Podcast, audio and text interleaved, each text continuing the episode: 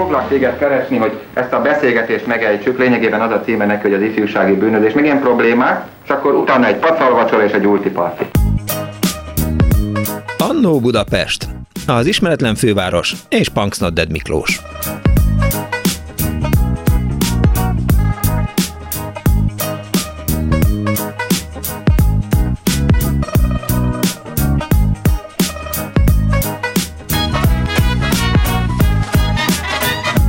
Napot kívánok, kedves hallgatók! Ez itt a Klubrádió benne az Annó Budapest az önök alázatos narrátorával, Punks Not Dead Miklóssal. Kicsit bosszant, hogy önök már két-három napja nem tudják, hogy miről fog szólni a mai műsor, mert hogy nem ment az Annó Budapestnek előzetese. Mondta is az anyám, hogy nem hallotta, miért nem hallotta, és akkor most mondjam el neki, hogy miről fog szólni a műsor tegnap, amikor beszélgettünk telefonon. És mondtam, hogy hát az első nyugati cuccomról, az első menő cuccomról fog szólni az Annó Budapest, és abban nyilván az lesz az érdekes, hogy ahogy megyünk hátra az időbe, úgy fognak változni azok a termékek, kívánt és áhított termékek, amelyeket nagyon szerettünk volna nyugatról behozni. Akkor, amikor a saját merevelemezemen szörcsöltem, és kerestem, hogy mi volt az első tárgy, amire nagyon vágytam, az nyilván farmernadrág volt. És a farmernadrág azért volt nagyon fontos, mert, mert a 70-es években Magyarországon az igazán jó fejek, azok igazán jó amerikai farmerekben jártak. És amikor Kriska Attilának a bátyja hozott Amerikából egy rifle feliratú farmer nadrágot, akkor a Kriska Attila egy bicikli után húzatta magát az iskola udvarán, hogy koptassa a farmert, mert ugye új farmerrel nem lehet mit kezdeni. És a kis Punks de nagyon szeretett volna egy rendes amerikai farmert, Lee-t, vagy Léviszt, vagy bármit, ustoppot nem, mert az béna, az nyilván ilyen jugoszláv gagyi, és hát sajnos miután kisgyerek volt a kis Punksna, de amikor elment a szegedi Mark stérre, ahol a fekete piac volt, hogy ott farmernadrágot vásároljanak, mondták a farmernadrággal kereskedők, hogy hát Punksna, de méretben ezt nem árulják, úgyhogy nekem az első farmerem, hát sajnos be kell, hogy valljam, egy trapper farmer volt, ami teljesen másképp kopott, mint az összes többi, de végül is ki lehetett bírni és oké, okay, ezt így feldolgoztam magamban, volt egy menő nyugati cuccom, amit szerettem mondani, de nem értem el. És a következő termék, amire biztos, hogy nagyon vágytam volna, az a kvarcóra volt. És a kvarcórával való ismerettségem, mert pontosan meg tudom mondani, és nyilván önök is meg tudják mondani, hogy milyen volt az életükben, amikor először kvarcórát láttak. Talán hatodikos vagy hetedikes lehettem, és a menzán, az általános iskolában volt egy napkozis tanárunk, és megkérdeztem tőle az ebédre várva, hogy hány óra van tanár úr? És akkor ő fölhúzta a karján a, a köpenyt, vagy az öltönyt, vagy valamit, és ott volt a, a kezén egy óra, megnyomott rajta egy gombot, ami kiírt a pirossal, hogy 12.45. Te jó Isten! És ezt nem hittem, elmondtam, hogy, hogy ez biztos, hogy óra, és akkor öt perc múlva megint oda mentem megkérdezni, hogy, hogy hány óra van, mert annyira felcsigázott a, a látvány, meg maga a tárgy, hogy nagyon szerettem volna, és aztán nagyon sokáig nem volt ilyen, sőt, lehet, hogy sosem volt vörös számlapú, piros ledekkel világító kvarcórám, de az első kvarcórámat, amikor megkaptam, azt pontosan tudom, hogy édesapám még hozták el Hódmezővásárhelyre, ahol kollégista voltam, kihívtak a kollégiumból. Lehet, hogy, hogy születésnapom volt, vagy karácsony jött, vagy télapó, és akkor kaptam egy kvarcórát, ami hát ez a klasszikus hétzenés kvarcóra volt, de nagyon menőnek éreztem magamat. Nézzük azt, hogy önöknek melyek voltak azok a cuccok, amiket nagyon szerettek volna nyugatról behozatni, vagy becsempészni, vagy egyáltalán megvenni valahol a fekete piacon, és ez nyilván ez ilyen macsó dolog, hogy, hogy óra, meg farmer nadrág, meg ilyesmi. Nők nyilván parfümre vágytak, meg harisnyanadrágra, meg nem tudom mire. Majd mondják el nekem, hívják fel a 2406953-at, vagy a 2407953-at, vagy írjanak SMS-t a 0630 ra esetleg szóljanak hozzá az Annó Budapest Facebook oldalán, és ahogy ígértem, a vonal túlsó végén már itt van velünk Hammer Ferenc, szociológus, az ELTE média kutatója. Szia Feri! Hello, szevasz! Köszönöm szépen, hogy rendelkezésünkre álltál eh, nyomasztó betegséged ellenére. Mi ez a rajongásunk a nyugati cuccokért? És rájöttem, hogy, hogy ez, ez nem mai keletű, nem tegnap kelet, keletű, sokkal régebbi keletű, mert nagyapám valamikor a 30-as években szappanban csempésztetett be magának külföldről, nyilván nyugatról, egy Rómer karórát, amit hát azóta én birtoklok, és hát nyilván akkor Magyarországon nem lehetett órát kapni, úgyhogy valahonnan nyugatról kellett behozni. Szóval hogy kezdődött ez?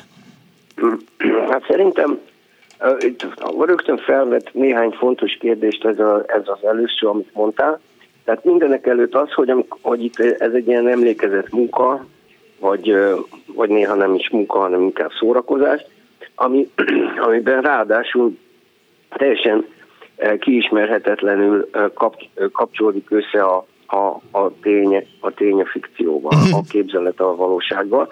Például, amit említettél, hogy, hogy elment az az Attila, és hozott Amerikából egy szuperrág farmert, az azért érdekes, mert az egy olasz farmer. Aha. Alapvetően. Tehát Magyarországon azt sokat hordták, de azért, mert Jugoszlávián keresztül ez, ez elég jó bejött, mert kamionosok egységi piacon, meg ilyesmi.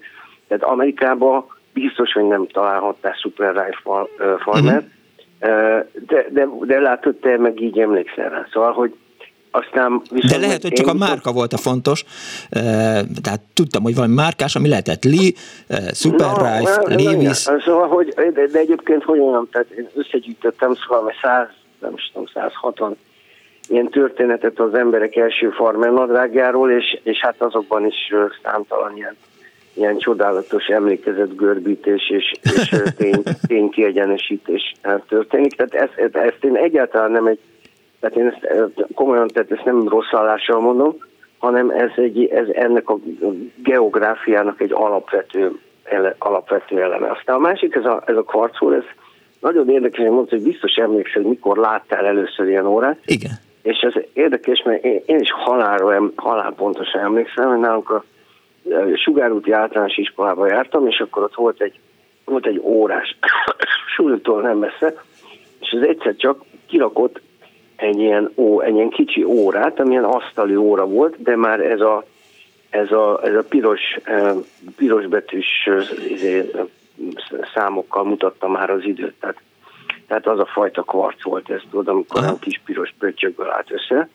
És akkor viszont az volt, hogy én rendszeresen kiszaladtam a, a szünetbe megnézni, uh-huh. hogy mennyi az idő azon az órán. De csak azért, hogy pedig volt is órán, rendes órám, de mutatós órán. Szóval, hogy, tehát, hogy itt, igen, szóval, hogy csak gondoltam, emlékszem, olyan jó esetű, és így eszembe jutott ez a, ez a dolog. Na most, a, és amúgy pedig szerintem akármilyen tárgyakról is legyen szó, vagy legyen szó egy a nyugati cuccokról, vagy a gyerekkorunkból, tehát a régi, dolog, a régi, régi dolgainkról, vagy valami egzotikus dologról, egy másik földészről, vagy ilyesmi. Szerintem itt a legfontosabb dolog, amit végig kell gondolnunk az, hogy alapvetően mit gondolunk a tárgyakról. És, és itt igazából csak egyszerűen arról van szó, hogy a, hogy a felvilágosodás, tehát mondjuk az elmúlt 200 év ennek a kulturális fejleményei, azok létrehoztak a tárgyakat egy ilyen méltatlanul buta pozícióba bele kormányozó beszédmódot, amiben, amiben azt mondjuk, hogy a tárgy, hát az csak egy tárgy, ugye? Tehát ez, az, a, az a tégla az csak úgy lapuló, mint egy tégla, ugye? Tehát, hogy, hogy a, tárgy, a tárgynál butább dolog nincs a világon. Ezért is mondják olyan nagy kedve filozófusok és aktivisták embereket úgy, úgy így hívnak, amikor más emberekkel csúnyán bánnak, hogy eltárgyasítják, ugye? Mm. Tehát, hogy amikor elveszik az emberi lényeget belőle, és csak egy ilyen, egy ilyen széle hossza egy, materiális humunkulusszá válik ez az izé. most, és, és én mind, mindig szenvedélyesen tiltakozom ezekkel a kifejezésekkel szemben, mert hogyha egy tárgy csak egy buta tárgy lenne, akkor nem kötődnénk ezekhez a tárgyakhoz ilyen nagyon sokféle módon, és nagyon kiismerhetetlen módon. Csak most nem tudom, tehát például mindenkinek a, mindenki már költözött el, gondolom. Igen. Nem tudom, egy másik lakásba, ugye? Sokszor. Ja, és, és akkor az költözés az mindig, az mindig egy nagy leltár az ember életével kapcsolatban. Hogy akkor most mik azok a cuccok, amiket tovább viszük, mik azok a cuccok, amik már az előző költözéskor is egy dobozba jöttek, és még mindig dobozban vannak, és akkor felmerül a kérdés, hogy akkor most tényleg azt a dobozt most visszük-e tovább, és mik azok a dolgok, amikkel kapcsolatban soha nem merülhet fel, hogy azok bárki is kidobja őket, és mik azok a tárgyak, amiket a múltkor még szentséges dologként őrizgettünk, és most meg hát el, belekerültek a szürke zónába. Tehát innentől látszik, hogy ez egy élő dolog, és élő, mert mi, mivel az életünkről van szó. Tehát ennek megfelelően, a, aki, aki a, a, a tárgyakat csak úgy letárgyazza, azok, annak tényleg szeretnénk felhívni a figyelmét arra, hogy a, hogy a, hogy a tárgy és az ember közötti távolság az egy ilyen kontinuum, és ott azon mind a ketten rajta vagyunk. Először nagyon kár, hogy ezt nem én találtam ki, ez a Bruno Latour, francia filozófusnak, hát az élet egyik fontos eleme volt ennek az ő életművének, amikor, amikor, amikor hát megmutatta azt, hogy nem emberek vannak meg a tárgyak, hanem az embereknek és a tárgyaknak különféle ilyen gyakorlatok és átlelkesítettségekkel megvalósuló ilyen kombói tulajdonképpen. Tehát, hogy a, hol van a határ mondjuk az íjász és az ő íja között, ugye? Vagy egy pingpong játékos és az ő pingpongütője között, ugye? Tehát, hogy ilyen, tehát ezek a leglátványosabb elemei ennek, de ugyanez igaz azokra például, amikor ilyen tárgyantropológiát szoktam tanítani az iskolában, akkor például és így a bevezető órákon, akkor mindig meg szoktam kérdezni a diákokat, hogy vannak olyan ruháik a szekrényben, amik, amik még mindig ott vannak, és most teljesen biztos, hogy soha többet nem fogják felvenni. És mit Valamiért. mondanak? Biztos, hogy van ilyen. És, hát mindenkinek van ilyen, persze, hogy van ilyen. És akkor, és akkor igazából tulajdonképpen azt hiszem, hogy a legkézenfekvőbb példa, vagy a fogalom, amire itt hagyatkozhatunk, az az erekének a fogalma. Azt tehát, hogy amikor el, elutaztak az emberek évszázadokkal ezelőtt vala, vala tudom zarándok útra, uh-huh. egy zarándoklatra, és azért, hogy valami, adjanak valami formát annak a, annak a szentséges tapasztalatnak, annak a spirituális élménynek, akkor ott vettek egy ilyen erekét, hát nem, mit tudom én, valamelyik szentnek a, nem tudom én, kislába ujjából egy darabot, vagy nem tudom ilyesmit, és akkor ezt hazahozták, és akkor ezek ilyen értékes dolgok voltak, és akkor hát ennek a nyomán alakultak ki. Tehát pont úgy, mint ahogy a, a, a, a, az arándok út és a, és a modern turizmus közötti e, formai hasonlóság, e, olykor ilyen spirituális hasonlóságokat is meg, megvalósít. Egyfelől, de ugye ez milyen szépen egyesül a terbantalnak az utas és holdvilágjában, ami hát egyszer egy bédekker és egyszer egy ilyen spirituális ilyen road movie.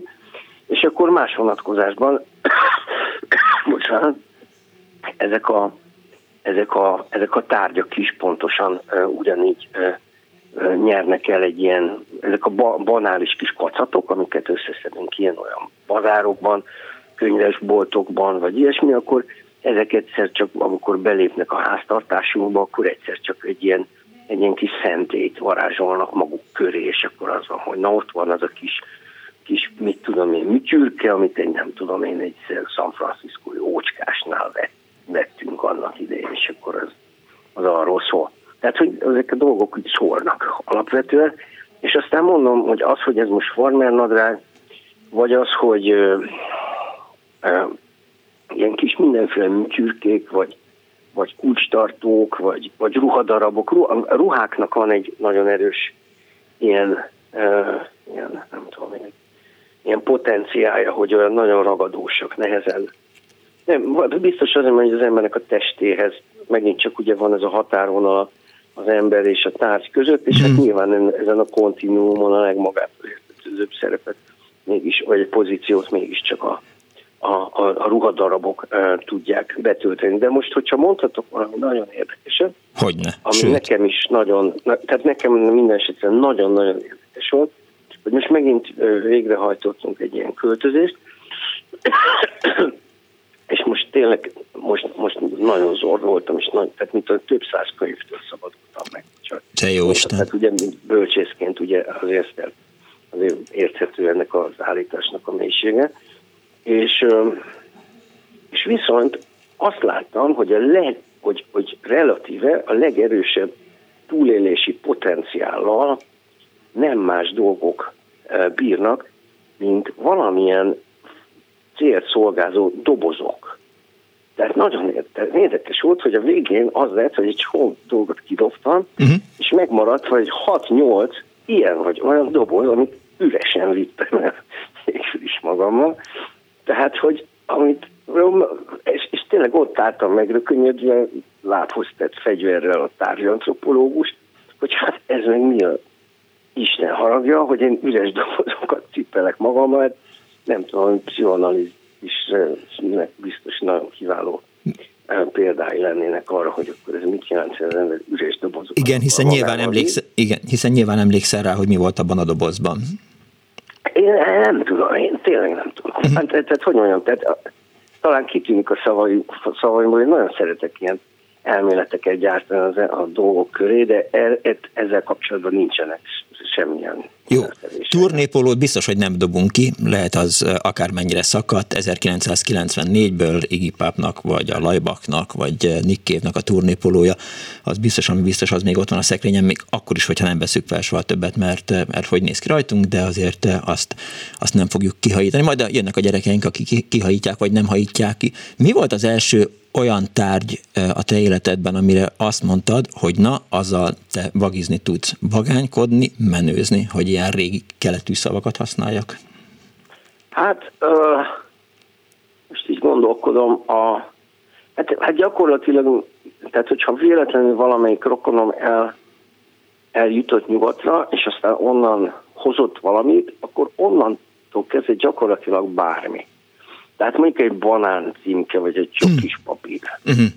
Az, tehát, hogy tehát nincs, nincs ezeknek a, a tárgyaknak, cuccoknak, ütyűröknek e, olyan szubtartománya, ami, ami még ne tudna megtestesíteni valami különösséget. Van és egy holland antropológus, aki a kelet, keletnémet ilyen hát materialitással kapcsolatos vágyakat, hiedelmeket ért térképezte fel, uh-huh.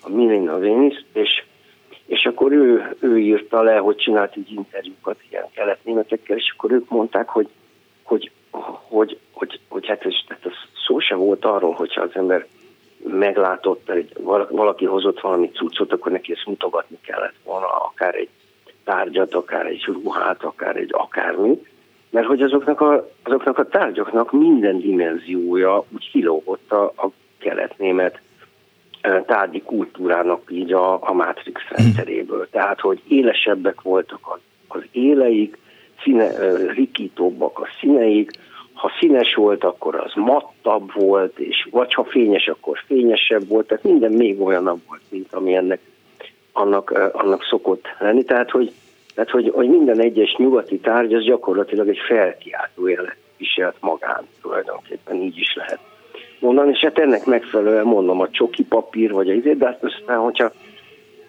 például, vagy az egyik barátom mesélt, amikor csináltam ezt a farmer kutatást, hogy, hogy akkor egyszer valaki hozott egy valami kamionos gyerek hozott, behozott egy iskola, iskolába, behozott egy, doboz, egy dobozos kólát, egy dobozos kólát. Uh-huh.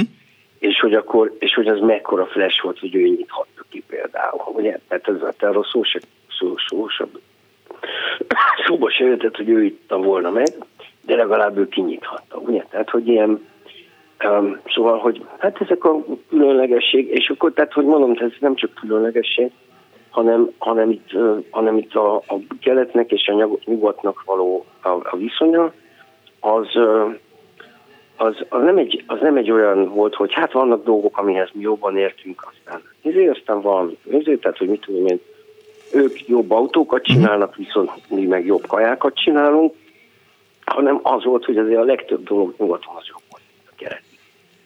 És, és hát aztán ennek megfelelően ez egy, az, az, az ember élete tulajdonképpen egy ilyen nagy egyenlet volt, amiben folyamatosan eh, táplálta be az ember a nyugati dolgokat, meg a keleti dolgokat, és így folyamatosan termelődött újra az ember képzeletében és az elméjében a vasfüggöny tulajdonképpen ezeknek az összehasonlításoknak a, a révén. De aztán például az, a, az első, a, a tulajdonképpen az egész farmernadrágos kutatásnak, amit csináltam, az egyik ilyen, az egyik ilyen kiinduló pontja az volt, hogy hogyan volt farmernadrágom, illetve hogy hogyan nem volt farmernadrágom. De ez egy hosszú sztori, majd elmondom máskor.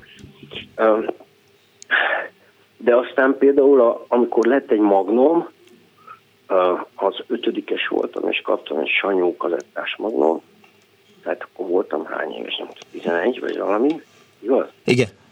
Akkor, hát az, azért az egy ilyen, az egy ilyen nukleáris atomcsapás jellegű esemény volt a, az ötödik B-be, emlékszem már. Tehát akkor hát mindenki én... azt mondta, hogy Hammer, te vagy az élet császára. Hát igen, és akkor, akkor, akkor, akkor rögtön DJ is lettem, mert hát ugye hát, igen. ennek van magnója. Akkor, akkor egyből DJ.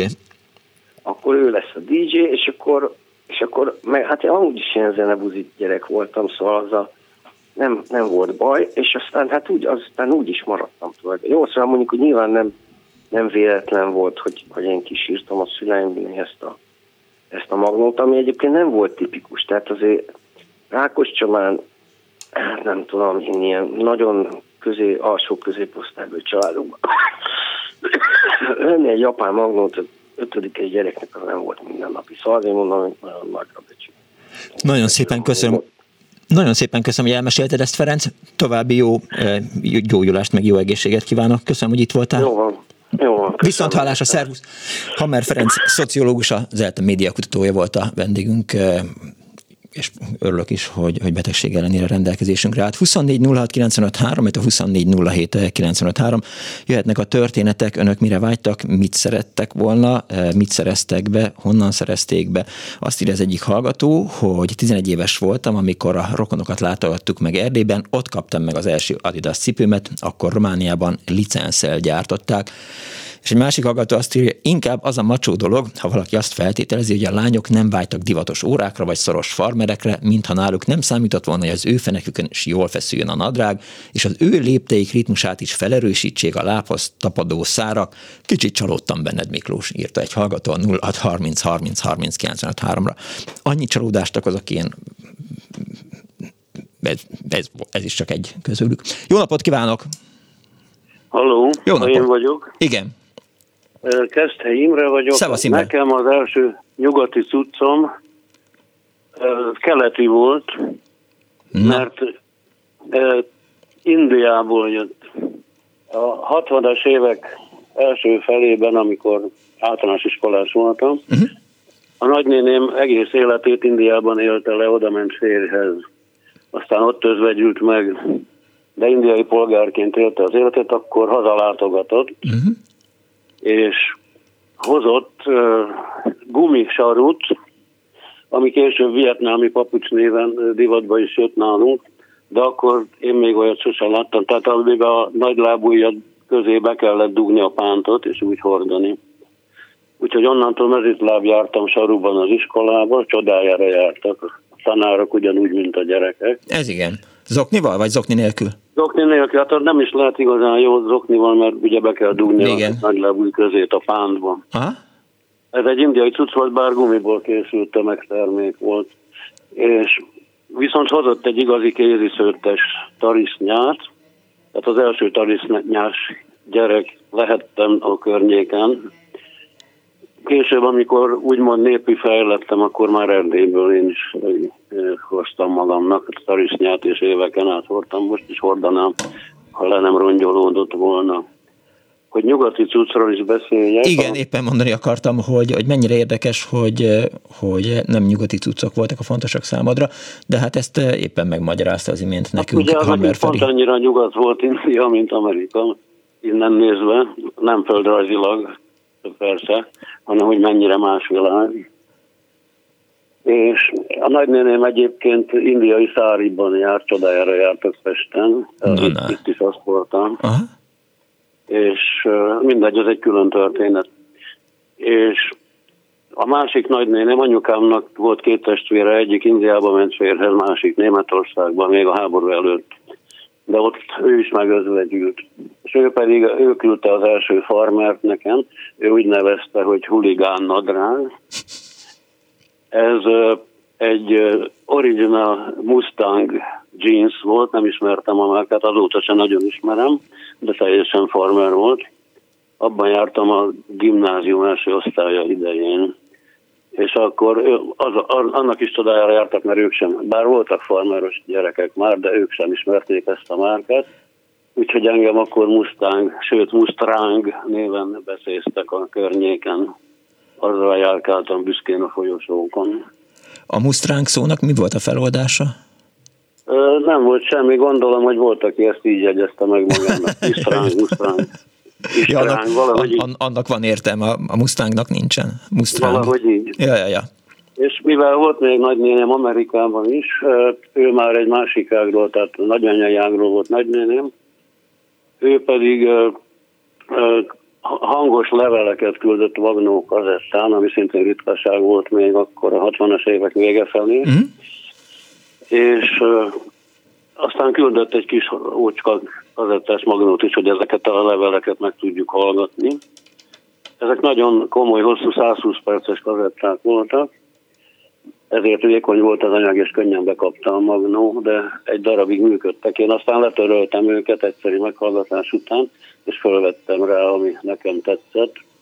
És később, amikor Erdélybe elkezdtem járni, úgymond népzene gyűjtőként, ez nagyon amatőr dolog volt, de akkor ilyen kazettákat vittem magammal, jó sok minden rájuk fért, amíg aztán be nem kapta valamelyik magnó. Nos, ezek voltak a történetek hirtelen. Köszönöm szépen! Nagyon szépen. Viszont hallásra, szia! 24 06 95 3, 24 07 95 3, SMS-ben 06 30 30 30 95 3, azt írja az egyik kedves hallgató. Első gimis voltam 65-ben, és húsvétra megkaptam Olaszországból egy nagyon-nagyon vágyott, gyönyörű, csokoládé színű orkánkabátot. Akkor épp az volt mindannyiunk álma, úgyhogy nagyon örültem és boldog lettem tőle. Üdv egy diáklány Pécsről. Egy másik hallgató azt írja, 1980 körül építették apuék a családi házunk, egy véletlen folytán nálunk dolgozott a Trapper Farmer magyar reklámarca, egyik nap nem jött, kiderült, hogy lecsukták csalásért. Egy másik hallgató sok mindent elmond a 70-es évekről, hogy a 24 fős kollégiumi szobában volt egy társunk, akit így jellemeztünk, a lány, akinek igazi farmerje van. Üdvözlettel, Subi! Halló, jó napot kívánok! Halló, Szerbusz Miklós Vizi János Szevasz. vagyok, üdvözlöm a hallgatókat is. A 60-as évek közepe tájékán jutottam először egy nyugati eszközhöz. Ennek a története úgy néz ki, hogy hát ilyen 19 éves koromat jártam, elég erős volt a szakászőzetem, uh-huh. és az akkori hát pengevilág, ami rendelkezésre állt, az csak arra volt jó, hogy az ember örült, ha nyolc napon belüli sérüléssel megúszta a borotválkozás. Ennek kiváltására egy villanyborotvárról álmodoztam elég régen.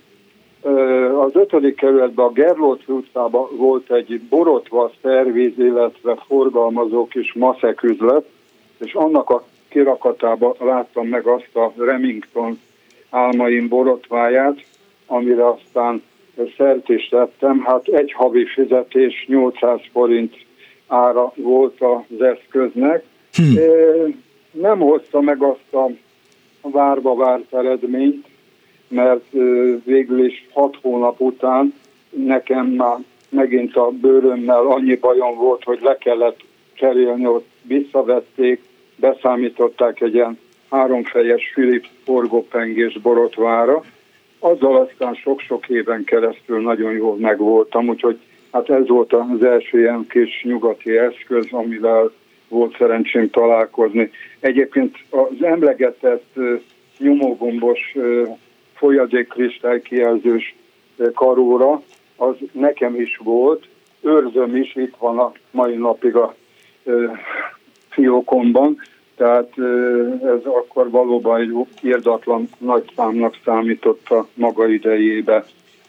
Ahol laktam, annak idején a szomszédomban volt egy filmes hangmérnök szomszédom, aki mindig rendszeresen egy ilyen uher kis hordozható magnót hozott haza, és aztán azon filmzenéktől kezdve sok minden érdekességet lehetett hallgatni summa summarum, hát apámmal együtt gyúrtuk, gyúrtuk, amíg aztán nagy nehezen ráállt arra, hogy eladja, és akkor így szertettünk az akkori időszak, hát egyik csúcs modellje volt ez a Uher, hát Hogyne. gyakorlatilag riporter magnó kategóriát ölelt föl.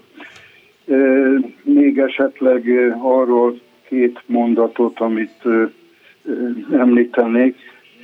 Volt egy bartelezés, apám kárpitos és lakberendező maszek iparos volt, egy tanárember, aki gyakorlatilag a német testvére révén egy Kodak Retina kis fényképezőgéppel rendelkezett.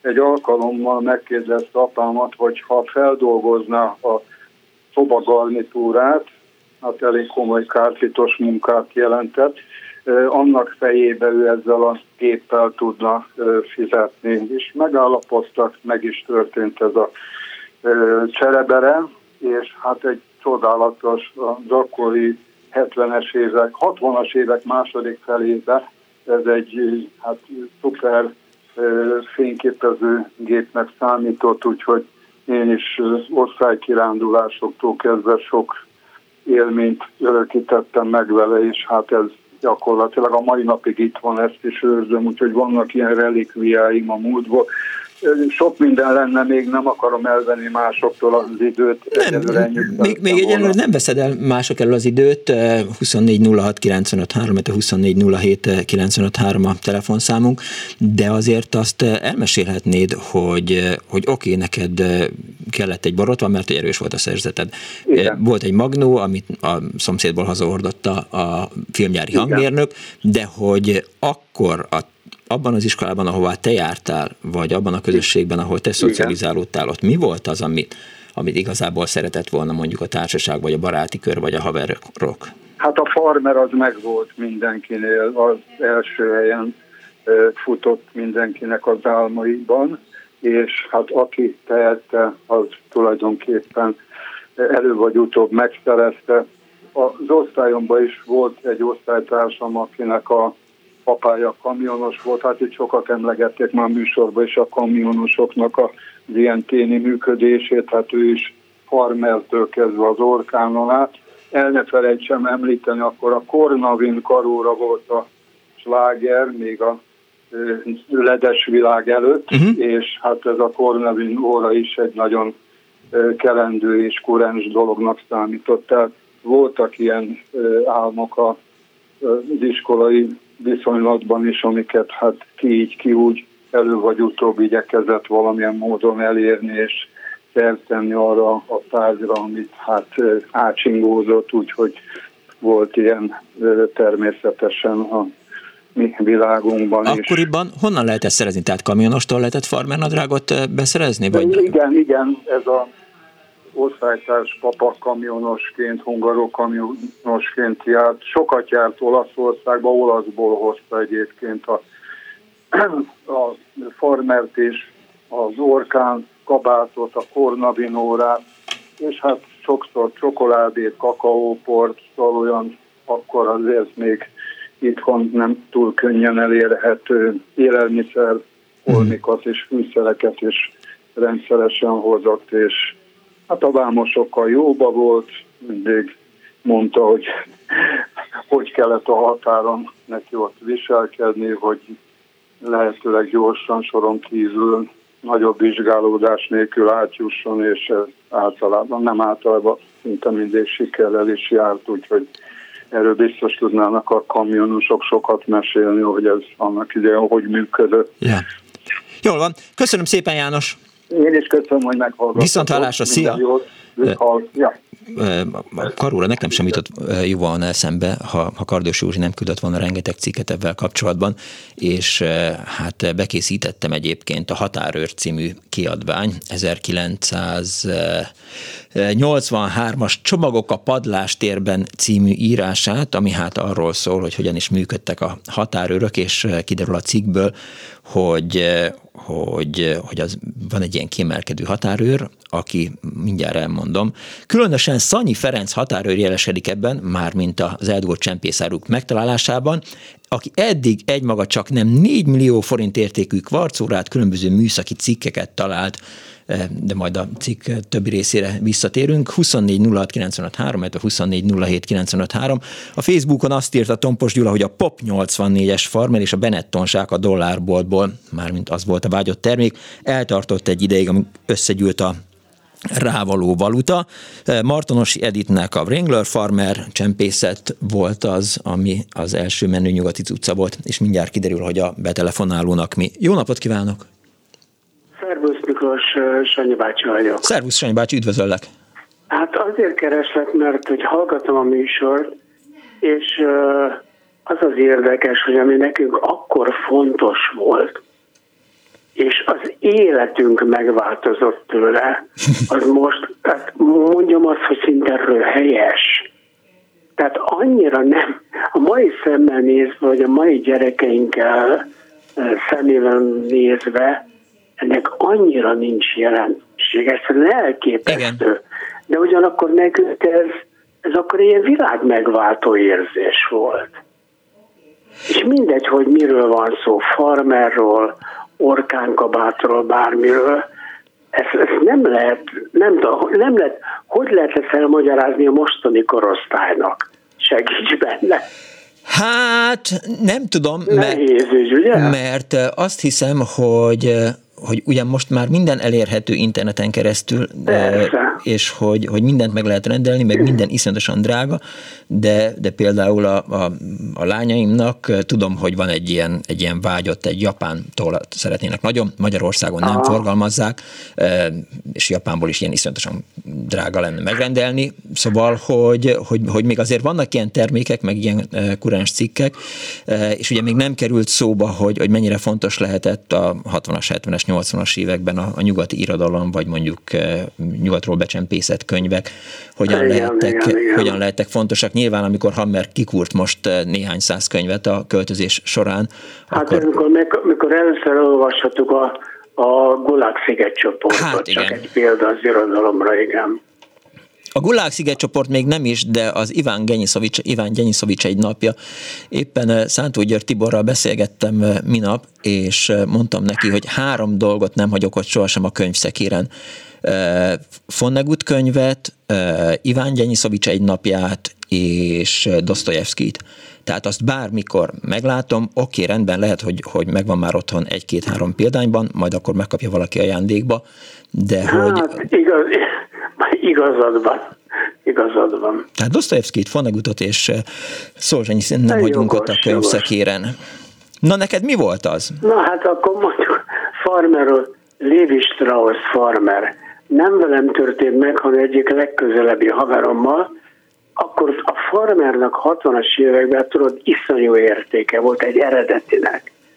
Hát egy fizetés, egy vagy egy fél farmer, fizetés ára volt szerintem. Hogyne. Tehát ilyen ezer forint, miközben... Igen. Na most egy igazi farmert onnan lehetett megismerni, hogy ha beállítottad a sarokba, megállt a saját lábán.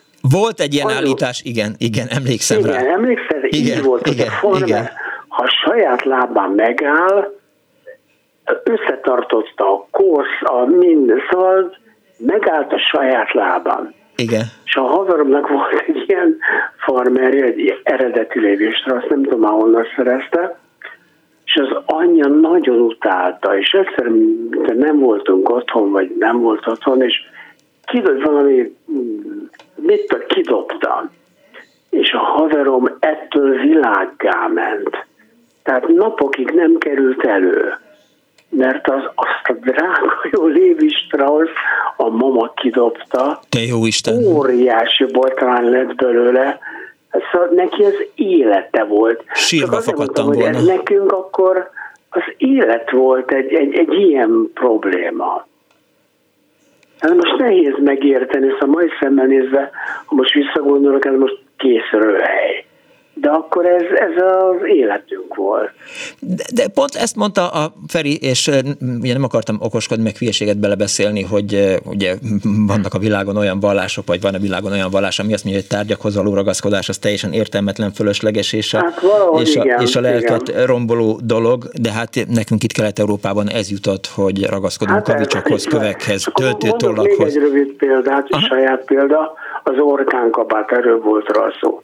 Hát félig volt szó, hogy írta az egyik hallgató, az egyik hallgató írta, hogy szeretett volna orkánkabátot, nekem már így nem volt meg, tehát akkor, amikor én 14, 15, 16 voltam, akkor az orkánkabát az már nem volt semmi. Hát kicsit, igen, de 60-as évek második felére ez, hát a orkánkabát az volt a, a na, hát val, a, a csúcs.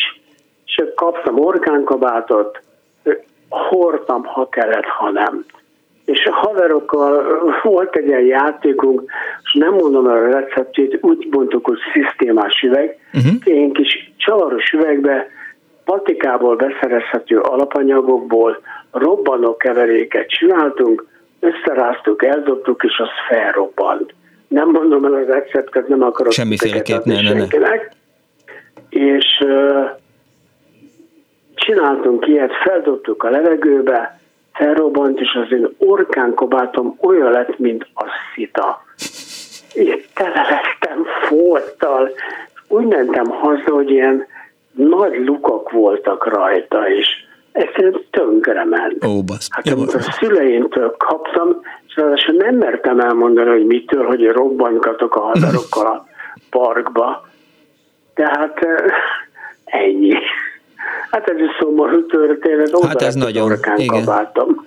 Igen, és aztán... Na jó, ne haragudj, hogy zavartál. Nem zavartál. Ennyi. Egyáltalán, sőt, szerintem senkit sem zavartál. Ha zavartál volna valakit, akkor, akkor meg, de nem zavartál. Majd szól. Majd, majd szól. Köszönöm szépen, hogy hívtál. Na, további jó Viszont hallásra, szia! Azt írja a hallgató, Szia Miklós, el, egyetértek az előttem szóló hölgyel, mi lányok is farmerre és kvarcórára vágytunk sokan, lett is Olaszországból. Amire még vágytam, az a Bravo magazin volt, amit az angliai levelező partnerem küldött nekem. Apropó, ezeknek az angliai levelező partnereknek mi lehetett a háttere, honnan került várjál, honnan kerültek, azt majd napig nem tudom zárójelbe zárva. Nagyon vágytam még egy dobozos kólára és egy igazi kivire. Az előbbit Jugóból, az utóbbit Németországból hozta egy kedves ismerős. Mindkettőt napokig csak nézegettem, mielőtt megettem, ittam volna, nem voltam benne biztos, hogy a héjával együtt kell megenni a kivit. Majd megállapítottam, hogy ennél a szatymazi őszi szrek, srak, nyilván sárga barack, nem őszi srack, ezt magyaráz meg Gabi, ezerszer jobb, és azt írja a hallgató, hogy annak majd írok, hogy megy majd Japánba. 24 06 95 3, vagy a 24 07 95 3 áhított tárgyakról szól az Annó Budapest, a menő nyugati cuccokat gyűjtjük össze az elkövetkezendő bő egy órában. Még halló, napot kívánok! Halló! Halló! Jó napot kívánok! Üdvözlöm, jó napot! Két dolog van. Na. Az egyik, Szegeden voltam gimnazista, sőt kollégista, és abban az időben Jugóból a szabadkai piacról csempészták, csempészték át a nylon ingeket. Uh-huh. Akkor ez 60-as évek, vagy még 50-es? Ez a 60-as évek. Aha. Nem vagyok annyira. Ja, igen, annyira öreg. Annyira öreg vagyok. Tehát, 60-as évek, ami azt jelenti, hogy hát emlékszem a színére, rohadt régen volt, és kék színű volt, és nem kellett vasalni. Uh-huh. És hát mint kollégista ennek rohadt nagyon örültem, de viselhetetlen volt, mert úgy beizzadt az ember benne, hogy uh, emberi alkalmazásra teljesen használhatatlan volt. Ez az egyik. A másik, hogy jó sorsan múlcsozta, hogy a 70-es években ki tudtam menni Afrikába dolgozni, uh-huh. és akkor ilyen speciális útlevéllel kocsival mentünk, méghozzá Zsigulival, Marseille, de miután akkor még nagy dolog volt nyugatra kijutni, ezért hát jó lassúra terveztük az utat, úgyhogy körül tudtunk nézni a szabad világba. Na és ott vettem egy parkolórát. Uh-huh. Ez nem egy olyan nagy dolog. Volt rajta a számológép, ami teljesen alkalmatlan volt szintén a használatra, mert gyufaszállal lehetett igen, böködni. Olyan aprók voltak a gombok rajta, és akkor már kim voltunk, amikor egyszer lejtettem. És az volt a reflexzerűen fölkaptam a földről, és a fülemhez tartottam, hogy ketyege. Még. Jó, és nem van, ketyeget. és nem. Ennyi. Ennyi. És az, azon gondolkodtam most, hogy így mondod a kvarcórát, hogy, hogy abban voltak-e olyanok, amik, hát, hogy ugye a farmerek közt a Lévis volt, ami igazán jó volt. A lehet, hogy Kázió volt az igazán jó, vagy, vagy akkor nem is gyártott más ilyen. Azt hiszem, ez Kázió volt, igen. Igen. De hogy... Úgy emlékszem. És aztán szerintem az oroszok is betörtek erre a piacra, mint hogy az oroszok is gyártottak volna olyan ö, ö, piros számos kvartúrákat. Nem, nem, nem, ez nem piros számos volt, ez nem, ez, szürke számos persze, volt. Igen, igen, igen, az kázió volt, igen. És számológép, minden volt benne. Értem. Aztán, hát aztán már nem nincs meg. Pedig milyen érték lenne most. Hát, vagy igen, vagy nem. Köszönöm szépen, hogy hívtál. Nagyon szívesen. Viszont hallásra. Szia. 24 Szeikó írja egy hallgató SMS-ben, az lehetett még a márka, illetve 24 Azt írja az egyik kedves hallgató, hogy szia, magas szárú Adidas, hétzenés kvarcóra, na meg a számológépes. A harmadik pontot direkt neked küldöm, puszi Lackó, három pontot külön. Jó, jó, jó, oké, szórakozzál velem, Lackó. Na, egy hallgató van a vonalban, jó napot kívánok! Ez akkor én vagyok, gondolom. Jó napot kívánok, én Gál Judit vagyok. Kész hát én egy babaházra vágytam. Az édesanyám egy külkerutazó volt, és sokat járt Londonba, ez a 60-as évek vége. És hát ugye gondolom az egyetlen kislányának mindent elhozott volna ajándékba, amit tud. Uh-huh. Mert hát mesélt itt Persze. állandóan, hogy ott királynő van, koronával, meg hogy vannak azok a piros ruhás bácsik, akik a Tower-t őrzik, Hát tehát ugye pénzösszegénynek nem volt, úgyhogy aztán amit így talált, mindenféle ajándékokat hozott nekem, többek közt egy játékáruházból egy katalógust. Hát én azt rongyosra olvastam. Tehát volt baba hajszárító, baba, baba emeletes babaház, és ott föl lehetett menni a lépcsőn, és akkor ilyen angolos kis teáskészlet volt benne, meg, meg függöny, meg, meg hát minden, ami egy kis babaházba kell. Én, én azt még felnőtt koromban is nézegettem, vagy nagyobb bacska koromban is nézegettem, mert az egy álom volt. De nekem az a katalógus végül is az egész életemet befolyásolta, mert megtanultam ugye angolul. Az első, akkor még az Interrail tikettel Londonba mentem, uh-huh. meg se álltam a Bifiterig, amit egyébként még hozott azon kívül egy ilyen hógömböt, amiben egy bifiterre esett a hó. Az, az meg nem álltam, amíg azt meg nem néztem, és, és ez nekem az angol világ Agatha Christie-től mindenestől annál a babaháznál kezdődött. Halló? Igen, igen, csak azon, azon gondolkodtam, hogy, hogy mennyire fura az, hogy, hogy az embernek egy babaháza a legáhítottabb tárgya.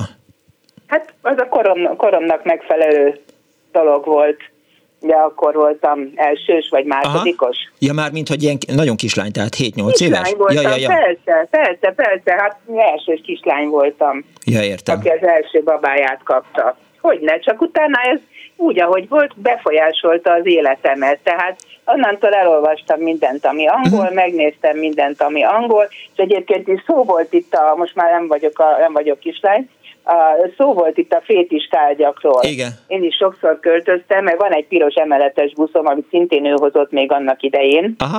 És, és az, az, az, az, nem dobódik ki valahogyan, az mindig átmentődik, holott már ugye gondolhatja, hogy nem játszom emeletes busszal sem. De akkoriban nem gyártott a magyar játékipar, vagy Kelet-Európában nem csináltak babaházakat? Vagy azok nem olyanok voltak? Hát bizt, nem tudom, szerintem nem, szerintem nem gyártott ilyeneket, mert sehol se láttunk. Uh-huh. Szerintem az anyu úgy halt meg, hogy, hogy meg ott is nagyon drága volt, ja, úgy ja, ja. halt meg, hogy lelkiismeret hozzálása volt, hogy nekem nem tudott olyat venni. Ó, szegény.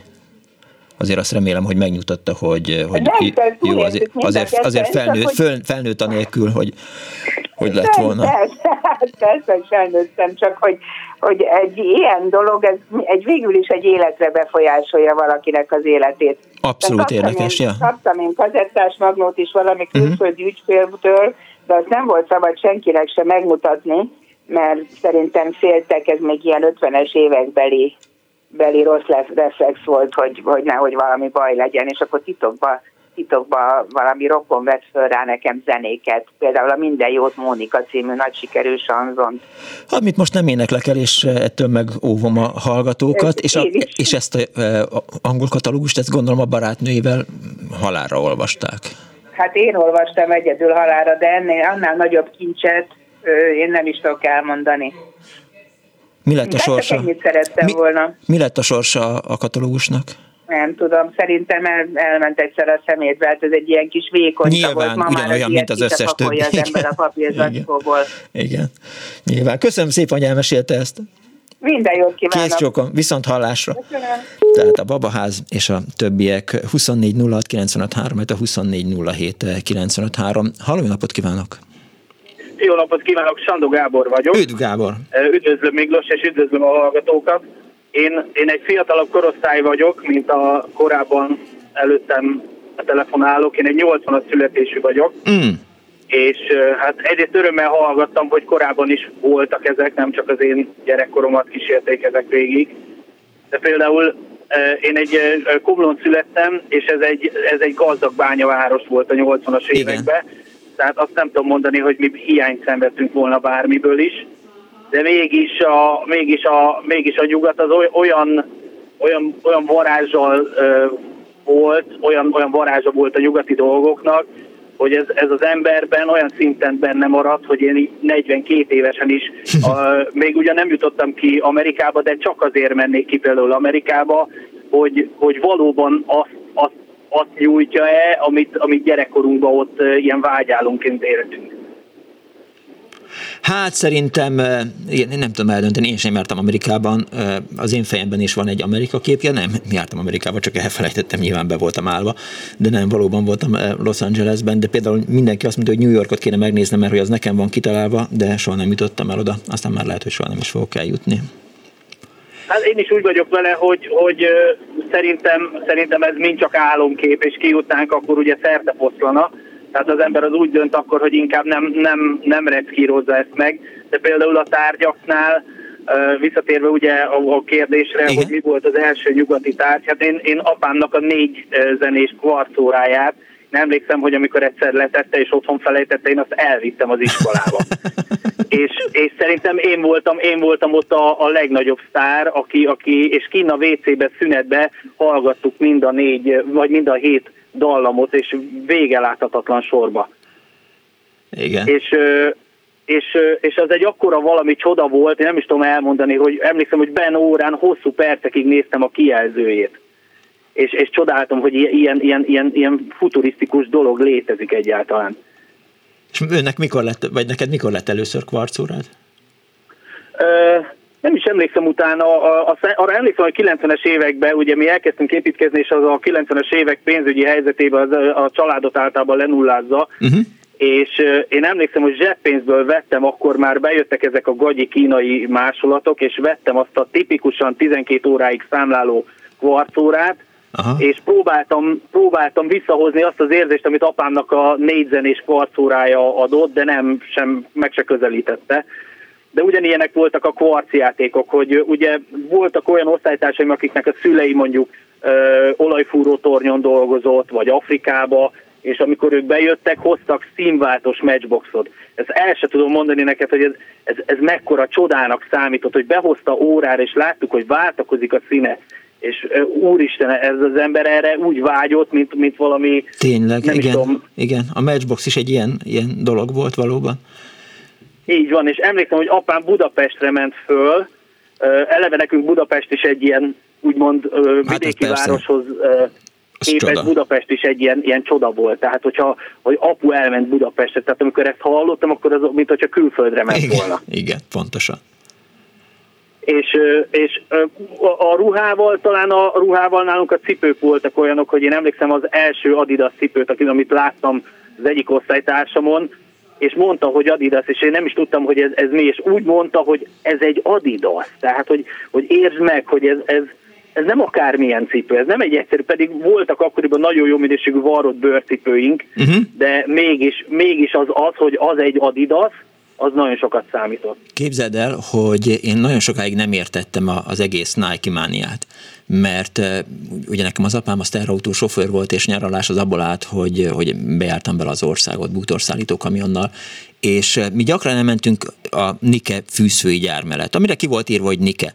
És amikor mondták az Igen. emberek, hogy fú, tehát, hogy tényleg Nike sportcég, mondtam, hogy abban mi a csoda, hát fűszfőn gyártják nyilván, mert hogy ott van a, a Nike fűszfő. Nagyon sokáig nem értettem a, az egész hype-ot a Nike körül, aztán eltelt egy kis idő, amikor elmagyarázták, hogy, hogy mi is a Nike. Na hát én is ilyen kisgyerek voltam, vidéki kisgyerek. Köszönöm szépen, hogy hívtál. Köszönöm én is. Viszont hallásra. Szia, Szia. Sziasztok. 24 06 95 3, 24 07 95 3, hívjanak és mesének történeteket eh, arról, hogy mik voltak a menő cuccok az osztályban, a barátok közt, eh, honnan szerezték be azokat. Legyen az babaház, kvarcóra, kvarcjáték, eh, szín, színváltós matchbox, az matchbox az nyilván az volt, és hát a Coca-Cola is előkerült már egy SMS-ben, úgyhogy mindjárt visszatérek rá.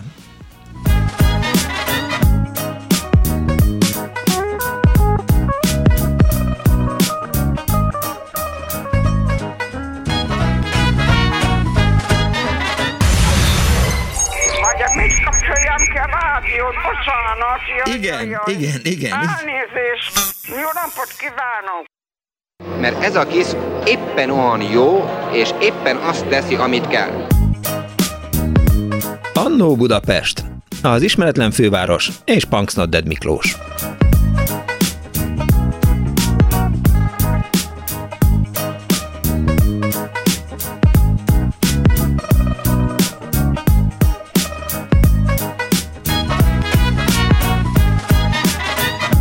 Jól nézzék majd meg az Eldorádót, mert az önök alázatos narrátora is játszik benne, eh, amikor Haugman Péter elmegy házat kutatni Monori úrhoz, és eh, megy vele két ávós, akik felforgatják a lakást, akkor az egyik ávós az én voltam, és ott a nagy házkutatás kellős közepette, eh, ahogy dobáltam hátra a fiókokat, eltaláltam Haugman Pétert, Isten nyugosztalja, aki azt mondta, hogy ki ez az állat, és akkor Bereményi próbálta kimagyarázni, hogy hát ez a Punksnodded, ez ilyen ösztönszínész. Na minden esetre ez egy ilyen látható jelenet, és aztán e, ugye megtalálják, illetve hát nem találják meg a, az elrejtett dollárt a Monari lakásában.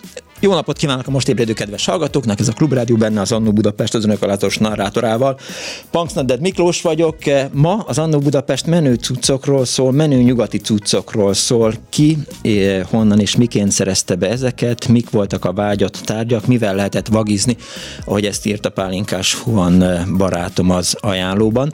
24 06 95 3, illetve 24 07 95 3 a, telefonszámunk, és 06 30 30 30 95 3 az SMS. Az Annó Budapest Facebook oldalán is hozzászólhatnak, eh, el is fogom mondani, hogy mit írtak a kedves hallgatók. Néhány SMS, eh, édesanyám hozott Bécsből orkánt a kabátjába varva, a galériába belevarták, hogy vor, vagyis hogy Vörös Október ruhagyár. Hm. 1979-ben az alkotás és a Church utca sarkán egy bódé trafikban lehetett Adidas tornacipőt kapni. Tíz évig szolgált írja egy hallgató, Seiko, ez is egy kvarcóra márka volt, amikor az előző hallgatóval arról beszélgettem, vagy kettővel ezelőtt egy hallgatóval, hogy milyen kvarcórát vásárolt Afrikában. Azt írja a hallgató, és a Coca-Cola 1966-ban gyűszűnyi pohárkából, hogy többen megismerjük az érettségi örömére, írta Zita. Népi táncosként utaztunk a délszláv háború idején, nem tudom miért, de Horvátországon keresztül Olaszországba, teleraktuk a telerakták a buszta, buszta felnőttek nyugati cuccokkal, mint például Kőbányi sör, golyórágó, Negró, Dunakavics és keleti Malboró, ezeket osztogattuk az útszárokon, így jutottunk előre, írta egy hallgató. Egy betelefonáló van abban a túlsó végén. Jó napot kívánok! Á, jó napot kívánok, tiszteltek, köszöntöm a műsorvezető urat. Üdvözlöm! Á, azért ragadtam telefon, mert az én apám is teherautósofőr volt, és a műsor felvezetőjébe ugye szerepel az, hogy és hogy szerezték be, honnan szerezték Igen. be. Na most ez a 60-as évek eleje, én akkor voltam felső tagozatos általános iskolás, és én is nagyon szerettem volna egy formert. És a fater azt mondta, hogy figyelj, nincs erre pénz, vegyél, ott van valami öltönyöd, ez szerintem még az első áldozós öltönyöd uh-huh. volt, vidd el az ecsere, és vegyél egy formert. És én kivonultam az ecserire a farmerral, hát ott mindenki halára rögte magát, úgyhogy én sajnos lógó fülelfarokkal vonultam haza. Hmm. a zöldtönnyel farmernek. Kösz szépen, apám. De, de nem ez a lényeg. A lényeg az, hogy ugye a farmernak a kategorizálása akkor már nagyon-nagyon beindult a kis tinédzserek és utána a középiskolás tinédzserek között, és itt ugye sokszor elhangzott a Lévi Strauss. Most a Lévi Straussban egy nagyon fontos fogalom volt, nem mindegy, hogy melyik Lévi Strauss. Vagy Marcaliban gyártott? Strauss, a gombos Lévi Strauss, ja. és az egyenes szabású, uh-huh. mert ez volt aztán az igazán a farmerek farmerje, amit szinte lehetetlen volt megszerezni. És már akkor középiskolás voltam, és az egyik iskolatársamnak az édesanyja ugyancsak külföldre utazó külkeres ember uh-huh. volt, és ennek a fiúnak volt egy gombos Lévi Strausza, amit én kölcsön kaptam abból az alkalomból, hogy elmentünk Nyugat-Magyarország is egy kis falujába, az egyik unokanövére esküvőjére, és én minden áron a farmerba akartam az esküvőre menni. Édesanyám természetesen a, ez a bandita nadrág, ez a huligán nadrág, mit fognak szólni, és egyáltalán, de hát én ezt a farmert akkor is viseltem, és ott igen, nagy csodálattal nézték, egyrészt nem is nagyon tudták, hát bandita nadrágba jött meg a pesti gyerek. Hát ez volt az egyik Lévi Strauss kérdéskör, ami, eh, ami nekem nagyon megragadt. Van egy lényeges dolog, tetszett műsorvezető úrként említeni, hogy és akkor el kellene jutni Amerikába. Én szűk 70 éves koromban eljutottam Amerikába, uh-huh. és megnéztem San Francisco-ba Lévi Strauss boltot. És oda, aki tud, az menjen el és nézze meg, ugyanolyan, mint bárhol máshol a világon, de mégis Lévi Straussra rá van írva, hogy San Francisco, és akkor ezt a boltot érdemes megnézni. Még egy témát, hogyha megtetszik engem. Hogyne, persze. Kvarcóra ügyben. E, a kvarcóra ügyben ugye az is, hogy hol szereztük be. Hát a keleti pályaudvarnál. Ott volt az óriási lengyel piacnak hívták, uh-huh. ugye mhm. Kiskockival és mindennel jöttek a kollégák, és e, hordták a különböző dolgokat. Viszont a kvarcóra ügyben az egy lényeges dokumentáció lenne, és tetszett említeni, hogy a valamiféle belügyi magazin vagy határőr magazin lesz idézve majd a műsorban. Én a Tonhausernek a könyvét is ajánlanám majd megnézni, uh-huh. mert a Tonhauser nagyon világosan leírja, hogy hogy vált a 70-es évek, 80-as évek során a kvarcóra a fekete piac, illetve a hazai alvilág fizetőeszközévé. Hm. Úgyhogy ezt, ezt szerettem volna csak említeni, ezt a két dolgot. Köszönöm szépen, hogy meghallgatott. Nagyon kedves, köszönöm szépen, hogy hívott. Viszont hallásra! Jó napot kívánok! 24 06 a 24 Egyébként az amerikai magyar világnak is egy cikke be van ide készítve elém. Itt a kvarc korszak, ezt Vajda Albert írta, ugye ez egy emigráns újság volt, 1978. februárjában ír arról az amerikai magyar világban, hogy, hogy mik is azok a kvarcórák, meg hogyan is működik ez a piac. Azt írja a hallgató szép délutánt, a Lévis címke, a Lévisen a címke volt, címke színe volt a lényeg, ha jól emlékszem, narancs vagy piros volt, írta Erika, a gombos az még ma is az 501-es. És ahogy a kedves hallgató mesélte ezt nekem, egyrészt a San Francisco-i Levis, Levis boltot, boltot, hogy is egyik a Levis magyarul, vagy, vagy amerikaiul, zárójel bezárva, hogy akkor, amikor a 70-es években nyilván farmert akartunk vásárolni, akkor teljesen mindegy volt, és nyilván nem volt még annyiféle szabása a Lévisznek sem, mint, mint most van, de ez reklám, úgyhogy törlendő. Halló, napot kívánok! Napot kívánok, Szilágy Ágnes vagyok. Kész, csók Ágnes. Tudja az öreg bábaasztony. Igen. Már megint. De hát azért van, hogy mert, mert olyan öreg vagyok, hogy mindenhez van valami élményem. Na majd kitalálom az estefemet, mint műsort, és akkor nem tud betelefonálni. Vicceltem. Milyen efemet? Estefemet. Jó.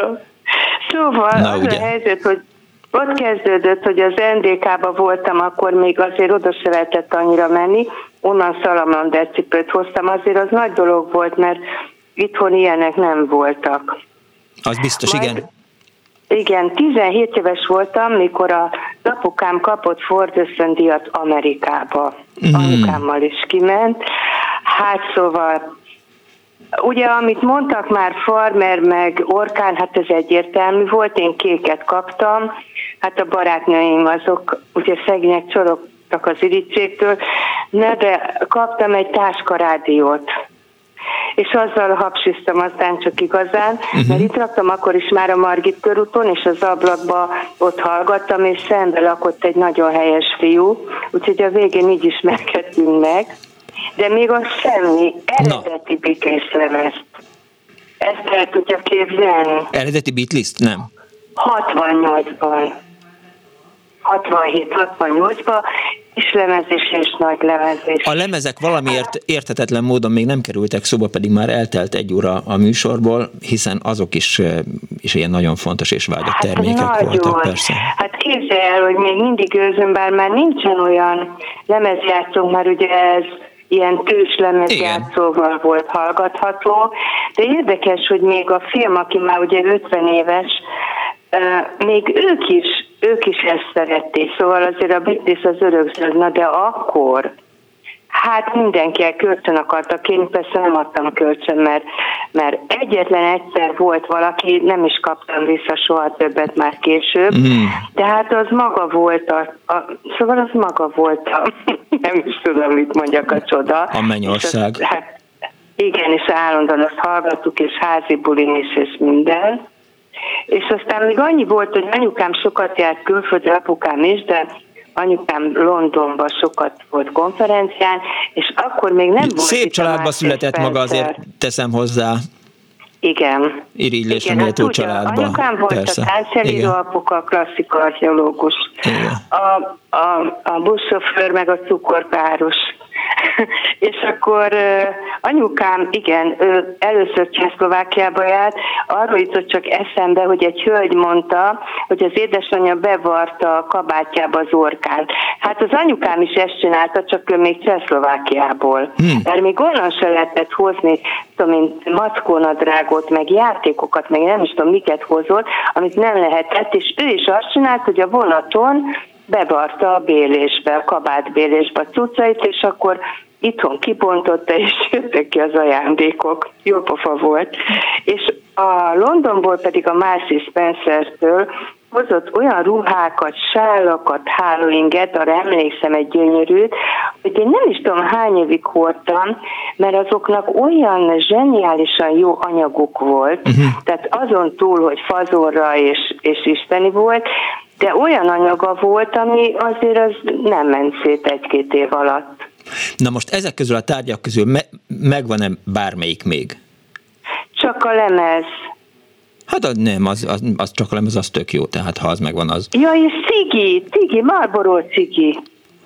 Tényleg. Mert ugye én már megbeszéltük dohányzom, már akkor is dohányoztam, 16 éves korom óta. Marlboro cigi, eredeti amerikai aranymalboró, meg a piros. Nem volt akkor még a aranymalboró, ne viccelje már. Volt már? Dehogy volt, piros volt, azt kész. De Amerikából, hello. Amer- Amerikában se volt aranyszínű. Vagy ha volt, hát volt. Na mindegy. Hát Jó. lehet, hogy piros volt. Most ezzel nem tudok vitatkozni, mert szóval már erre már ennyire nem emlékszem. De hogy, hogy, hogy milyen a hálóinget nem régen híztam ki. Nem őszintén, egyébként meg lett volna. De jó. Jól van akkor. Tényleg. Köszönöm szépen, hogy hívtál. Én is. Viszont hallásra. Hello, szia. szia. Viszont. Azt ír az egyik hallgató, hogy szia, a cipőöngyújtó is egy ilyen eh, volt eh, valóban, ahogy így visszaemlékszem, és az öngyújtóról jutott eszembe már tegnap, amikor eh, ugye futat, ilyenkor, amikor készülök a műsorra, akkor a saját memór emlékeim között próbálok találni ilyen fogóckodókat, és arra emlékszem, hogy, hogy Balatonfüreden a Hotel Annabellában voltam pincér 79-ben vagy 80-ban szakközépiskolásként, és akkor az étteremben, hát én ugye nagyon aranyos, hát képzeljék el a kis Punksnoda, de 14 vagy 15 évesen, nagyon aranyos kisgyerek voltam még akkor, és pincérruhában rendesen drekóval, meg, meg, meg minden, ami kell egy pincérnek, és az volt a feladatom, hogy este, amikor bejöttek a vendégek, leültek az asztalhoz, nyugatnémet vendégek jártak a Hotel Hanabellába, oroszok is, de ők természetesen egy másik szányban eh, laktak meg, ebédeltek, és az volt a dolgom, hogy, hogy meggyújtsam az asztalon lévő gyertyát.